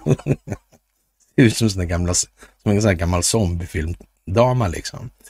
Ja, faktiskt. Jaha, och nu ska förhör, eller ska det? Ja, det ska det. Det kan, men ska göras. Hållas med Vita husets personal samt information från länder som har arbetat med Bidens, exempelvis Ukraina, Kazakstan, Rumänien, Schweiz och alla andra då. då. Mm. Det kan man säga, nu, nu är det lite problem här, för de kommer inte kunna ljuga för USA nu i det här. Och ja, som sagt det här med pedofilverksamheten. Tyvärr alltså, tyvärr. Så tror jag att eh, Patrik Sjöberg, inte för det, inte för det Patrik, det är inte det alltså. För det, jag gillar honom sådär alltså. Så det, mm. Ja. Man får liksom fan lite tråkig känsla av. Alltså, ska det vara så jävla eländigt att den där skiten har växt ifrån samma ställe som all annan skit. Liksom. Ja, möjligtvis så måste det ju vara så liksom. Men kan det aldrig vara på något annat sätt? Måste det alltid vara vi liksom? Ah. Ja, allvarligt talat alltså. Det är jävligt trångt i tröjkragen alltså. Mm. Det är nog jävligt förvånande om det där hamnar någon annanstans än i det här landet. Det är bara så alltså. Ja, och anledningen till att eh, det börjar röra på sig olika terroristgrupper, ja, som finns i flera europeiska länder, är att Israel har börjat arrestera eh, massa Hamas-terrorister. Hamas, det var inte det någonting som startades av Mossad? Mm. Så det var liksom Mossad Hamas. Ja, det var det ju då. Ja. Och sen släppte de greppet på det där bara och struntade i allting, precis som Ericsson gjorde om det persiska telenätet. Aha, men tänk om de inte gjorde det då? Ja, det var väl det där med, med Israels underrättelsetjänst ja, som startade Hamas. Israels underrättelsetjänst var i alla fall beroende av Besek och Besek köper kärnteknologin av Ah, Ericsson ja. Just det, så är det. Ja. Och Besek mutade Netanyahu, ja just det. Men vilka var det andra då som gjorde det? Ja, ja, ja, ja, det var Kockums ThyssenKrupp, eller var det, hade det delats då? Ja, just det, så var det kanske. Det var bara ThyssenKrupp som hade mutat Netanyahu, ja, för det var en splittring där på något vis. Med så här gryningsräd och grejer. Rickard Rättrådig med sin röda kavaj och, och vita häst och sådär. Kom där, mm, och gjorde... Ja. Helt oplanerat faktiskt. Och i medierna jättepådrag. Mm.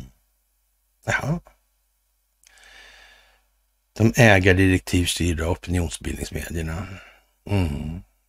Ja, man kan väl säga det är inte så mycket som hamnar där utan ett syfte. Så kan man väl säga i alla fall.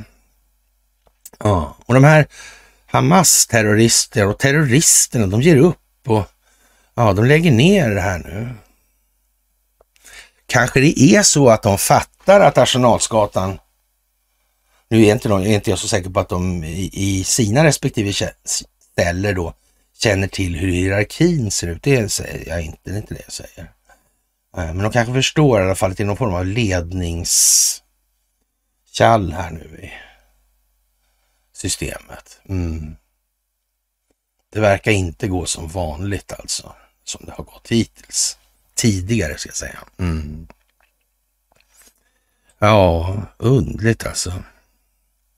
Undligt, undligt, undligt. Och allt det här med, med så att säga vacciner och, och pedofili, det är ju liksom, det är sådana grejer som ändå måste tas rättsligt, så det finns inte så mycket kvar. Att det är där, det är ju liksom ingen snack om. Men, men vi, vi kan inte föregripa de rättsliga eh, ja, processerna i det. Det går inte. För då blir vi liksom någonting som inte vi säger att vi gillar. Så det går inte. Nej. Det är bara så. Mm. Sen må det vara hur mycket stridsmedel det vill, alltså biologiskt vapen.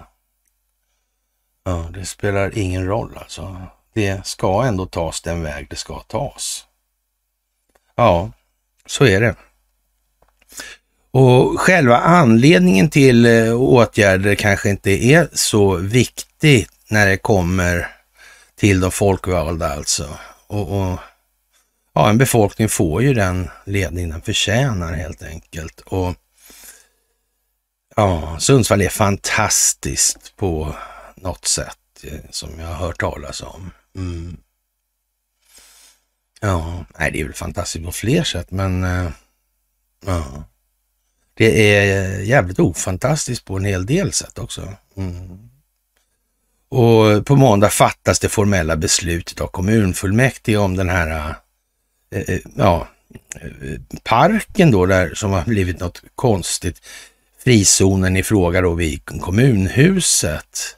Och Sundsvallspolitikerna har vill nog osynliggöra problemen i stadskärnan.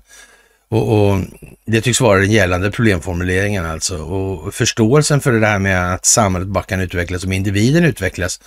Eh, ja, den verkar vara lite sådär kanske. Du vet, ja, tänk om eh, Ja, men när, när det är ett samhälle, ett bra samhälle, är det den, det samhället som har högsta lägsta nivån eller är det den, som har, den, den människan som är allra rikast? Eh, vad är själva måttstocken egentligen? Hur kan det bli så här annars? Det är liksom samma tema om och om igen, fast vi kommer bara in på olika infallsvinklar i det. Ja. Ja.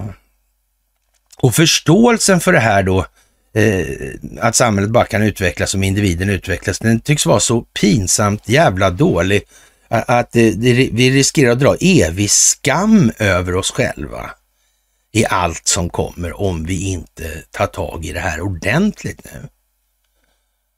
Det är ju rena parodin det här för fan alltså. Och, och ja, överlag kan man ju nästan säga att det, det är bedrövande alltså i det här. Och ja, front av Putinvänner splittrar Europa, Therese Larsson. Och det är inte utan att man läser den här artikeln så, så får man liksom en känsla av den här Red Storm Rising som skrevs av han Tom Clancy på 80-talet och det är samma som bakom jakten på Röda Oktober och det är samma om Some of All Fears och, och så vidare och så vidare och så vidare här. Och, ja.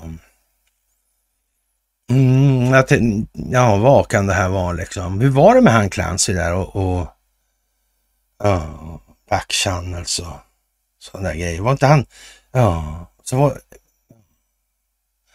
konstigt det där. Ja, ja, men Pavarotti sjunger fint. Det gör han ju faktiskt. Ja. Det gör han ju. Mm, just det, som dorma, ja. Ingen ska sova, alla ska vakna nu. Ja, vad är gryningen så? Ja, ja. Mm. Rysslands, eh, ja, så här skriver Therese i alla fall. Eh, Rysslands president eh, Putin har lyckats slå in en kil och splittra EU med hjälp av Viktor Orbán. Men Ungerns premiärminister är inte ensam. Det finns en, redan en front av Putinvänner i Europa som kan stärkas ytterligare 2024. Och USAs president Joe Biden var inte fel ut när han i tisdags pratade om en julklapp till Putin. Det han syftar på var republikanernas blockering i kongressen av mer amerikansk hjälp till Ukraina. Men det hade lika gärna kunnat handla om Europa, för det finns en hel rad små julklappar till Putin på, på kontinenten. Ja, den, den, största står Ungerns premiärminister Viktor Orbán för. Han agerar förvisso till stor del utifrån egenintresse när han blockerade stödpaket till Ukraina på 50 miljarder euro som EU vill klubba på det pågående toppmötet i Bryssel. Ett storbrak där Ungern först även sa nej till Kiev som skulle få inleda medlemsförhandlingar med unionen. Det sistnämnda ett motstånd som gavs upp på torsdagskvällen. Det Orbán velat är att tvinga EU-ledarna att häva frysningen av de miljarder som Ungern skulle ha fått om man bara hade låtit bli att försvaga landets domstolar. Det är väl inte så att de där domstolarna har varit korrumperade då kanske, eller sprungit andras intressen, eller har åklagare och så vidare som är tillsatta av finansiärer helt enkelt. Mm. Men han slåss inte bara för att få loss EUs pengar, springer också Vladimir Putins ärenden, eller som ledaren för det tyska socialdemokraterna i EU-parlamentet, Jens Geijer, sa till nyhetssajten Politico för, i förra veckan. Tack vare Orban sitter president Putin med vid toppmötesbordet. Ja, Rysslands propagandachef i EU, för gissa om det har gnuggats händer i Kreml när ungraren på sistone sagt saker som att Ukraina är ett av världens mest korrupta länder och att landet är ljusår ifrån att bli EU-medlem. Han har förstås inte fel i sak, men det kommer att ta tid innan Ukraina är redo för att gå med i EU och enbart Ryssland var mer korrupt än Ukraina när eh, Putin valde att invadera. Mm. ja, som sagt, det här måste hållas igång och jag vet inte. Mm, ja, Therese hon håller, ja, hon håller ju inte fanan något högt, men hon håller den i handen i alla fall. Den släpar väl lite efter kan vi väl säga sådär. Ja, det, det får man väl säga. Men det är själva blockerarna som spelar Moskva i händerna eftersom eh, förhandlingar om medlemskap sänder en viktig signal om fortsatt stöd. I höstas återvände Robert Fico till makten i Slovakien. I Den tyska tidningen Der Spiegel beskrevs han nyligen som chef för Rysslands propaganda i EU under sina tidigare två perioder som premiärminister. Intrycket att Fico är Moskvavänlig höll i sig när han under valrörelsen lovade att rösta mot fler Rysslandssanktioner i EU och att Slovakien under honom inte skulle skicka ett enda skott ammunition mer till Ukraina. Strax efter Robert Ficos valvinst vann dessutom populisten Gert Wilders, ja, Vilda stjärten alltså, valet i Nederländerna. Vad betyder det om han ska eh, bilda regering? Det är lite oklart, men Wilders har tidigare försvarat Putin och talat om hysterisk russofobi. Och numera sen säljer vilda, eller säljer vilda stjärten, så gör han väl inte, men han sänder i alla fall dubbla signaler. I ett tal i parlamentet i onsdag sa han att Nederländerna inte skulle ge militärt stöd till Ukraina så länge vi inte kan försvara oss själva samtidigt som man försökt distansera sig från Putin som benämndes som en fruktansvärd diktator. Oavsett var Wilders står så är det mycket som talar för att Moskvavänliga partier kommer att få mycket mer makt 2024. Eh, svårare att isolera Ryssland. I Österrike är det val nästa höst och där leder högernationalistiska FPÖ stort alltså. Mm. Partiets ledamöter utlöste en smärre skandal i våras när de lämnade parlamentet i protest när Ukrainas president Zelensky höll tal alltså. Ja, och, och ja, det verkar svårt det där med Österrike och han åker, åker bara dit och dansar lite så är det kört liksom. Befolkningen bara hänger på, de hänger på Putin. Ja ja, och jag vet inte det här med egentligen. Alltså allt gynnar Vladimir Putin. Europa imponerade med sin enighet under den ryska invasionens första ett och ett halvt år. Även om Orban opponerar sig mot sanktionerna så rättade han in sig ledet till slut. Nu har krigströttheten infunnit sig och enigheten börjar vittra sönder, vilket missnöjespartiernas tillväxt är ett tecken på. Ökar splittringen i Europa ytterligare så blir det också svårare att hålla fast vid isoleringen av Ryssland och att enas om fortsatt hjälp till Kiev, för att inte tala om det framtida medlemsförhandlingar med EU om nu Viktor Orbán säger ja till Ukraina till slut. Putin har länge försökt slå split, split i Bryssel. Nu är han på väg, god väg att få in en större fot än någonsin i EUs korridorer. Som sagt, Joe Bidens prat om julklapp var inte helt fel. Nej. EU, hur går det med EU egentligen? Tänk om den där hade kommit för några år sedan. Ja, och jag, när jag satt och sa så här och fortfarande och så, det var inga, inga närmare belägg på det för den saken sådär. Alltså. Om man inte, så att säga, hade tillräcklig vidd på perspektivet. Uh, det var inte så många som hade det på den tiden. Och ja, stackars, stackars Ukraina. Så det här går ju jättebra för dem nu. Hela tiden alltså. Och här reas bebisar ut på Black Friday alltså. Kriget har inte stoppat Ukrainas babyfabriker, bara ökat pressen på mammorna. Vi har inte något annat val, säger de, en sån här surrogatmamma då. Och eh, ja, eh, höggravida, ja, Jana Gava Alexandrivna, Eh, 37, vars egna barn inte träffar henne på, på tre månader. Barnlängtande par reser hit från hela världen, även Sverige. Köper små barn där alltså. Mm. För att täcka upp bristen på surrogatmödrar importeras nu kvinnor från Uzbekistan. Ja. Vem är det som kollar att de som åker dit då?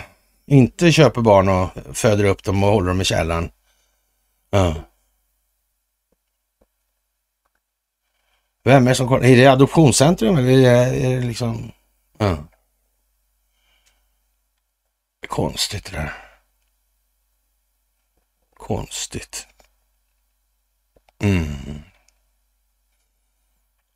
Ja, det är nog rätt märkligt det där med Sverige och våra personnummer och hur det här egentligen har fungerat i förhållande till den uppfattning om hur det har fungerat som vi har fått i oss.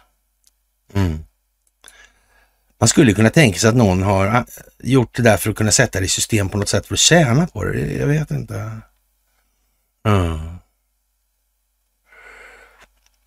Konstigt det där med barnhandel, ja. Mm. Riktigt speciellt alltså. Otrevligt det där faktiskt. Tar de rikskuponger frågar Martin Oldelius. Jag vet faktiskt inte.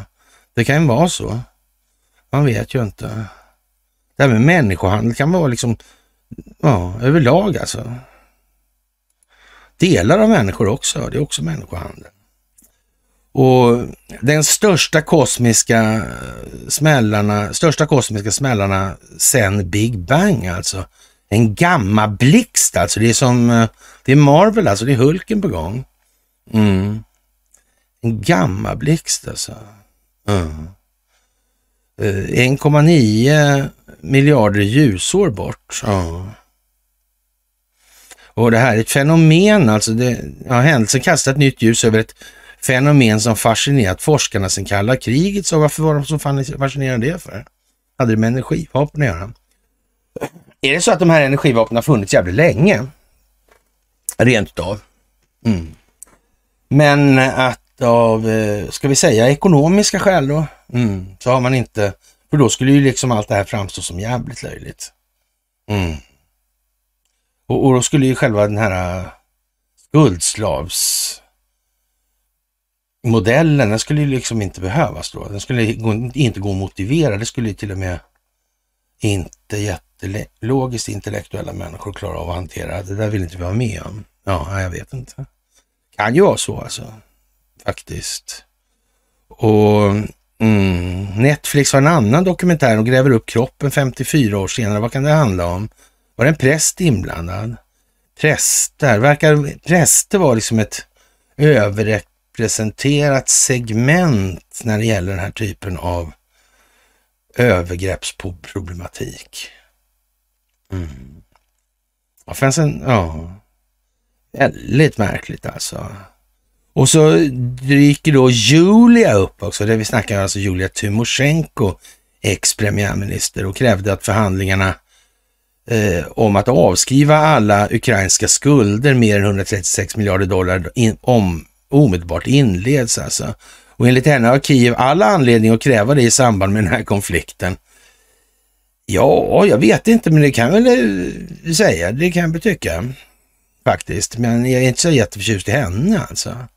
Uh, alla dessa gratispengar verkar inte ha varit gratis. Nej, det är ju det alltså. Men kanske den ukrainska befolkningen skulle ta tag i det här. Ja, det kanske vore någonting. Men det vet man ju inte. Ja. Ja. Ja, det är ju konstigt alltså. Tymosjenko, där kommer hon satt i rullstolen där med högkläder, med platåskorna. Det tycker jag men, men alltså, det, det, det, hon har ju varit, hon är ju på den eh, liksom nivån att det är oerhört svårt att, att, att tro eller inbilla sig att hon inte eh, spelar det här. Mm. Och så har vi då det svenska stred i persiska gendarmeriet, alltså gendarmer, alltså det är, ja, konstigt alltså. Filip Hjärta, det lite aftonbladskt. Ja, och som sagt, eh, det här var ju länge sedan, i början alltså på 1900-talet eller sådär. Mm. Runt 10 då. Ja. Och i början av 1900-talet, ja, Harald Hjalmarsson var förresten med här också, han med eh, sedermera landshövdingen i Gävleborgs län, Jarl Hjalmarsson. Ja, han var där nere, Harald, hans farsa alltså. Mm. Ja, han var högste chef för svenskarna i gendarmeriet mm. 1913. Ja, konstigt där. Han Jarl där förresten, han var studentkamrat i Uppsala med min farmor som var en av de mycket tidiga studenterna, kvinnliga studenterna där faktiskt. Ja, sådär. Och, och, men sen var han landshövding i Gävle där och farmor bodde ju i Gävle. Och det kan man säga, det utökade arbetsbördan för landshövdingen helt enkelt. Där. Hon hade synpunkter på det mesta. Ja. Och hade hon fått till det så hade SMHI aldrig eh, centraliserats, för vädret blev ju så mycket sämre som bekant. Ja. Ja, i början av 1900-talet hade den relativt svaga centralregeringen i Persien svårt att kontrollera hela det stora landet samtidigt som laglöshet härjade i vissa regioner vände sig de politiskt viktiga basarköpmännen till det och det shiitiska mullrandet ofta mot den styrande regeringen. En konstitutionell monarki hade införts i landet 1906 inspirerad av ungturkarnas omvälvning i det Osmanska riket. Alltså. Den eh, stora grannen i väster. Men sedan 1907 genomförde en ny shah en kupp för att återta en del av makten från de så kallade konstitutionalisterna. Ännu en ny shah, minderårig, den minderåriga Ahmad Shah Mirza tog över 9. 1909 alltså. Samtidigt pressades landet från sina aggressiva grannar, Ryssland i norr och Storbritannien i sydost. Persien satt lite i samma skruvstäd som en annan granne, Afghanistan. Eh, vid krigsutbrottet 14 första världskriget besatte tyska och ryska brittiska trupper delar av landet, bland annat oljefälten i söder häpnadsväckande nog, trots, trots en persisk neutralitetsförklaring alltså. Ja, han ville inte ha mer makt än den svenska kungen kanske. Utifrån detta läge ville regeringen i Teheran skapa ett gendarmeri, alltså en halvmilitär poliskår, för att kunna göra sin makt gällande i landet. Detta var en plan som stöddes av britterna, men det gällde att hitta en neutral eh, stat som kunde hjälpa till med officerare och instruktörer. Ja, vad konstigt alltså. Vilka kan det bli? Ja, det kunde det. Ja, en viktig bakgrund i sammanhanget var det arbete som de, den svenska officeren Wilhelm Unander hade utfört med att bygga upp ett gendarmeri i, i, i det av Turkiet ännu behärskade Makedonien. Nej men titta, då var det lite inblandning i Turkiet ändå då. Eller hur? Ja, eftersom Turkiet och Tyskland var helt uteslutna för britter och ryssar så godkändes Sverige.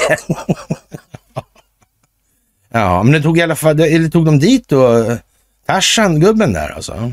Eller gjorde de inte det? Nej, ja, ja, ja, ja. Ja, och, och, svaret blev positivt. Alltså orsaken till att det blev så har man i efterhand spekulerat kring. ja. Det kan man ju faktiskt inte förvånas över att man har spekulerat kring det. Det verkar ju så här.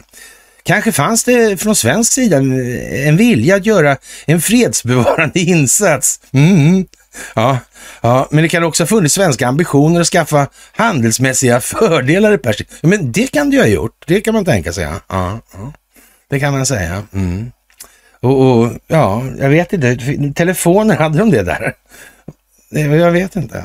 Mm. Ryssarna hyste misstankar gällande de svenska motiven att engagera sig militärt vid tsarväldets södra gräns, även om det faktiskt gällde ett engagemang i relativt liten omfattning.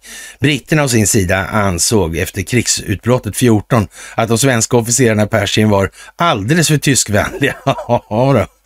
Jo eh, då, det kan man också förstå. Mm. Detta illustrerar att den eh, svenska missionen ingalunda var, diplomatiskt problemfri. Ja, men om britterna redan ansåg det, på den tiden så måste man ju undra varför de inte sa till då när, när eh, Herbert Lickfeldt och grabbarna sålde tungvatten då, allt vad de kunde till eh, tyskarna under andra världskriget. De hade ju haft en, tid, en stund att fundera på det där. Eller? Borde det inte ha varit så? Jo, jag tycker det borde ha varit så faktiskt. Mm. Under sin tid i Persien organiserar svenskarna ett gendarmeri på 200 officerare och 7000 soldater och 3000 hästar alltså. Ja, och utbildningen av gendarmeri genomfördes parallellt med ständiga strider. Man slogs mot rena gerillarörelser i olika delar av landet, liksom mot rövarband som opererade längs de stora handelsvägarna och betydande framgångar uppnåddes och Persien fick en egen styrka som, även om det var numerärt liten, kunde göra anspråk på att upprätthålla ordningen i landet. Alltså innan hade några andra gjort det alltså. Ja. Och, och, de bara släppte det som vanligt alltså. Mm. Ja, det kan ju bli så. Mm. Och dessutom kunde gendarmeriet sköta detta helt oberoende av de båda angränsande stormaktsimperierna och deras styrkor. Så praktiskt. Då vill det ju till att det var svenskarna lämnade ifrån sig det där då. Och inte bara behöll det ända sedan dess till idag. Eller? Har vi uppfattat någonting fel kanske? Mm. Ja. Ja, som sagt, priset för det här då eh, från svensk sida var fyra stupade officerare och flera sårade. Där hade svenskarna upprättat hela åtta gendarmeriregementen och en krigsskola för utbildning av officerare. Det var storskaligt det här alltså. Det var en organisation som levde vidare i åtskilliga decennier framöver. Ja, men de släppte taget liksom. Mm. Eh, högste chef för de svenska officerarna var kaptenen i norra skånska infanteriregementet i 24, Harald Hjalmarsson alltså, som sedan skulle ha en framträdande roll i striderna i Finland 18. Ja, ja, ja men det, det verkar ju liksom fint alltså. Inte bara svenska militärer fanns på plats utan även bland andra majoren Sven Bergdahl från detektiva polisen, kriminalpolisen, alltså i Stockholm, som ett tag var chef för den detektiva polisen i Teheran. Mm. Vid världskrigets utbrott 14 börjar klockorna klämta för den svenska insatsen. Ja, dags att gå under jorden. Officerarna behövdes hemma i Sverige där den militära beredskapen höjdes under hösten och man ska inte skylta med, sånt där alltså. Men även från brittisk sida önskar man att de neutrala reste hem eftersom man misstänkte att tyskvänligheten var utbredd bland de här alltså. Och, och ja, Ahmad Shah Mirza tog över styret alltså nio och de brittiska farhågorna var överdrivna, men i några fall fick man alltså rätt. Artilleristen Martin Ekström lämnade i februari 15 gendarmeriter gick i tjänst hos tyska militärattachén i Teheran innan han fick i uppdrag att sätta upp en persisk skvadron i tysk tjänst. Ja, ja han gick till tyskarna. Ja. Mm. Han hade glömt vem som bestämde. Ja. Mm, det gick bra bara att göra så. Mm. Ja. ja, det kanske han gjorde. Eller också så gjorde det det av någon anledning. Mm. Ja, han följdes av ytterligare fem svenskar som gick i tysk tjänst. I Mesopotamien så var de uträttade så var uträttade de svenska gendarmerna. Bland annat placerade de ut bevakningsenheter i mindre fort eller i befästa torn längs strategiska vägar. Och Sen står, kom en konstig rubrik, installera telefonsamband där alltså. Dessö, därutöver fick det svenska telefonbolaget LM Ericsson en viktig order att installera telefonsamband med de utspridda enheterna. Gendarmerna genomförde offensiva operationer mot beväpnade grupper och misstänkta byar. Insatserna var ofta mycket brutala. Misstänkta by, eh, bybor dömdes till böter såvida de inte hade stupat i de föregående striderna. Det är ett annat sätt att uttrycka att de kanske avlivades. Ja. Deras ledare sköts på stället, såvida de inte förde sig till Teheran för en rapsodisk rättegång och de inte sällan med åtföljande offentlig avrättning. Ja, det verkar ju ha fungerat bra det här alltså. Mm. Ja, med rätta sagt bör det påpekas att striderna ledde till att även gendarmerna eh, ja, led svåra förluster. I början av 14 betraktades omkring 200 mil vägar i Persien som relativt säkra från eh, rövaröverfall. Ja, eh, det är konstigt alltså. Mm. Under striderna med det persiska gendarmeriet föll fyra svenskar. Ja, kanske någon hade upptäckt då i Persien någonting. Jag vet inte. Faktiskt. Ja, äh, det här är ju liksom eh, eh som en, en lite larvig eh, saga sådär alltså. Ja. Eller ja, eller vad som, som man säger, det är en parodi alltså. Tamme fan alltså. Ja, och det här är, är ju någonting som svensken i gemen inte vet ett skit om. Ja, men det, herr Eriksson tar det då på, men det kan ha funnits svenska ambitioner att skaffa handelsmässiga fördelar i Persien ansågs tyskvänliga. Eller med Eriksson en viktig order att installera telefonsamband. Alltså, ja, lika svenskt som knätofsar, midsommarstång och helgfylla. Eller är det någon som inte tycker så? Jag menar det här är ju liksom, om man säger som så, det är störtlöjligt. Mm. Och i det här då finns det då en massa eh, sådana här man, grejer man kan, eh, det, det, är ju, alltså Wikipedia är fullt alltså av det här. Det är inte som förr alltså. Nu är det ju liksom, det är bara att läsa till och det, det här ska ju liksom komma fram. Det finns inte någonting att prata om. Persiska gendarmeri till exempel, eller Jarl Almarsson och, och, och så vidare i det här. Och, och, när vi är framme vid Jarl Hjalmarsson och de här grejerna, men då är vi också framme vid ja, Hjalmar Branting och mm, 1900-tals politisk historia. Vi är framme vid Olof Ruin. Mm. Vars son inte kontaktades sådär jättegärna av omgivningen för han ansågs så högt intellektuellt stående. Någon hävdade det liksom med någon Ja. Viss fäbless kanske. Ja. Eller? Ja. Att det nog var för att man inte skulle upptäcka hur tom man var i huvudet. Nej. Just det. Ja, Sverige hade väl någon sån där, någon statsminister någon gång som var lite sådär, de fick hålla sig för sig själv helt enkelt sådär. Mm.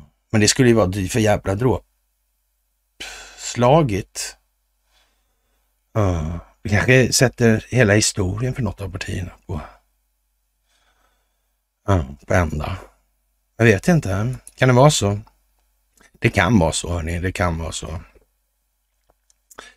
Ja, EU inleder alltså medlemssamtal med Ukraina och vad ska vi säga? Ja, och P-fasen där, boende vinner efter stora giftskandalen. Ja, men det är ju konstigt att man ingen kan eh, tänka på att det är som i den här filmen Darkwater. Att det är vattnet som är problemet. Det är inte om det är höga halter i mössen. Nej, det är inte problemet. Var kommer det här ifrån? Det är inte, det är inte så att de tillsätter skiten i dricksvattnet. Nej, det är det inte. Nej. Och det här finns inte i allting. Nej, inte så heller. Nej, jag vet inte. Konstigt är det i alla fall. Och nu verkar det inte så populärt alltså med, med det här med, ja vad ska jag säga, kändisar. Det verkar som att kändisarna eh, ska defameras alltså. Defame då, då. Bli avkända. Det där är, vad är de kända för? Alltså i rimlighetens väl, eller rimlighetens namn borde det väl vara så här. Eh, känd ska den vara som gör stora insatser för medmänniskor. Så alltså. Det, det är liksom, vore väl rimligt. Men nu har jag en känsla av att det är inte riktigt så. Det är liksom lite tvärtom. Konstigt. Snöd, sniken. Ja. Ja, och, och på tal om det då. Eh, ja, det tyska debaclet om Marsha Gessen och antisemitism är konstigt. Ja, det är jättekonstigt. Marsha Gessen. Jaha. Ja, vi har skrivit lite om Marsha Gessen. Det är bara att googla eller så på söka på bloggen. Det där är ju lite speciellt får jag säga. Ja.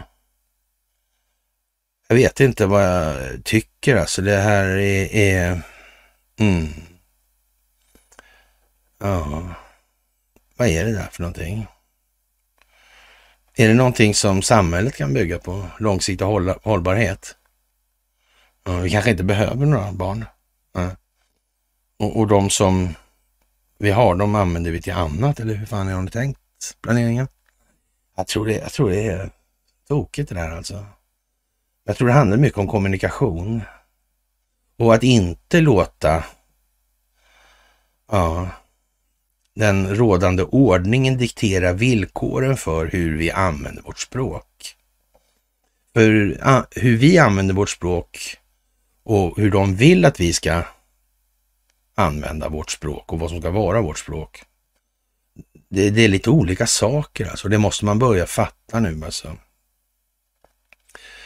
Ja, och ledare nu, Putins framgångar är en hägring om väst står bak, kvar bakom Ukraina. Det verkar ju inte bli så alltså. Ja. Konstigt. Märkligt alltså. Ja. Och, och sen är det väl Anna-Lena Laurén där Putins presskonferens var som en sovjetisk folkkongress. Nu vet ju inte jag liksom. Som sagt, måste hålla det här spelet igång. Det är folkbildning. Det är bara så. Och därför krävs det fortfarande moment alltså.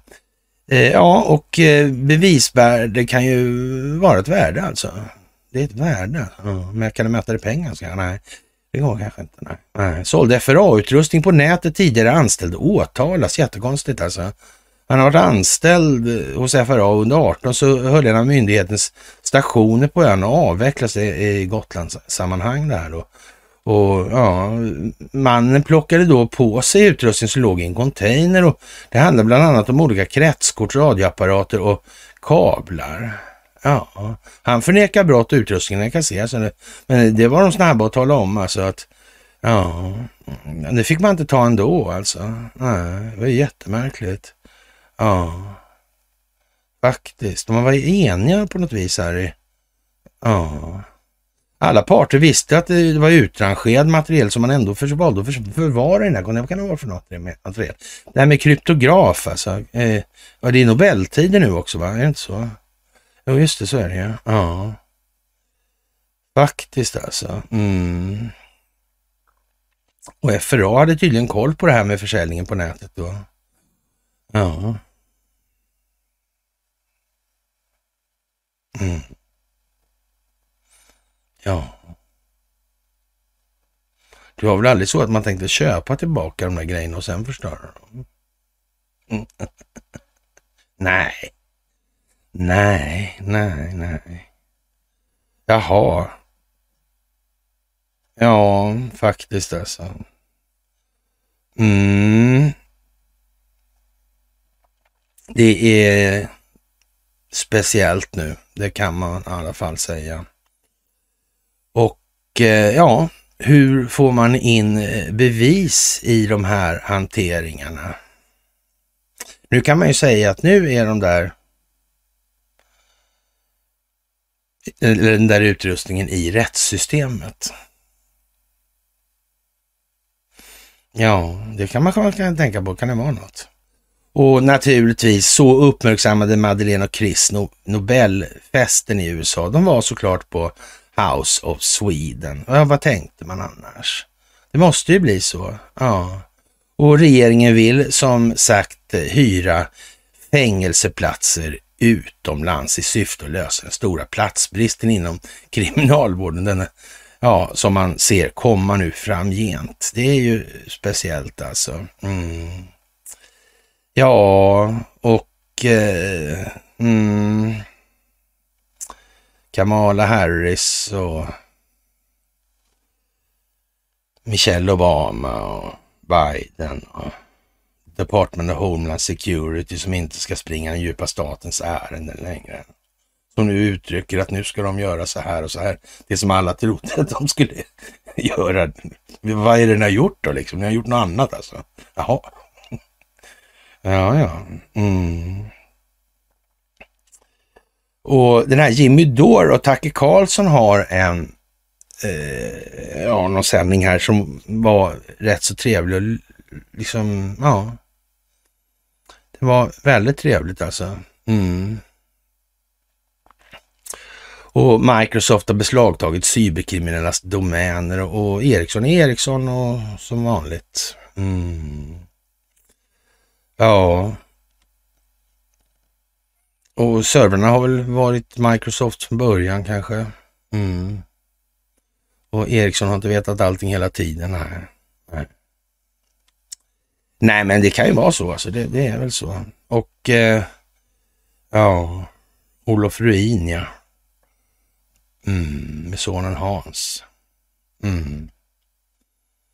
Tänk att inte Olof Ruin kände till den djupa staten, han som är liksom svensk statskunskapsnestor, men den djupa staten känner han inte till helt säkert. Alltså.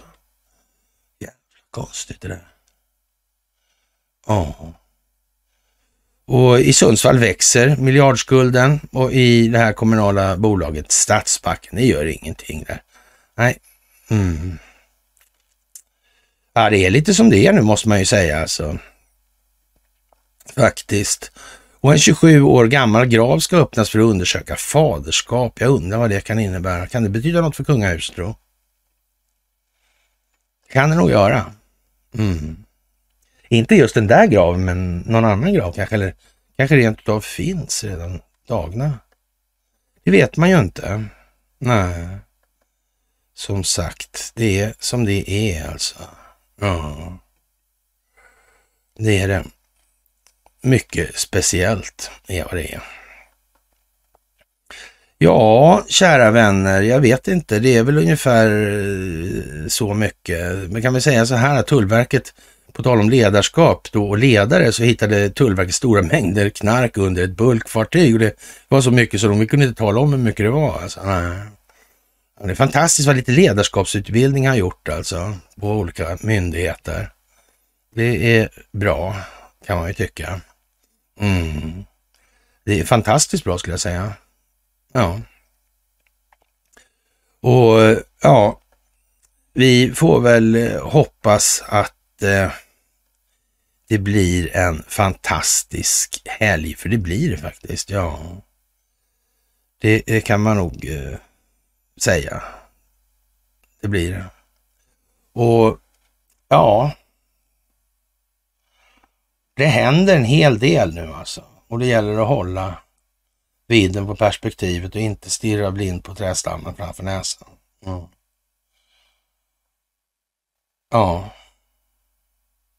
Lyfter man blicken så ser man i alla fall de andra träna lite bättre. Mm.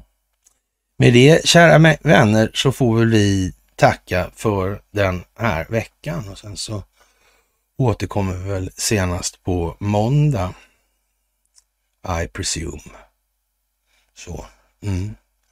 En fantastiskt trevlig helg på er så hörs vi alltså senast på måndag.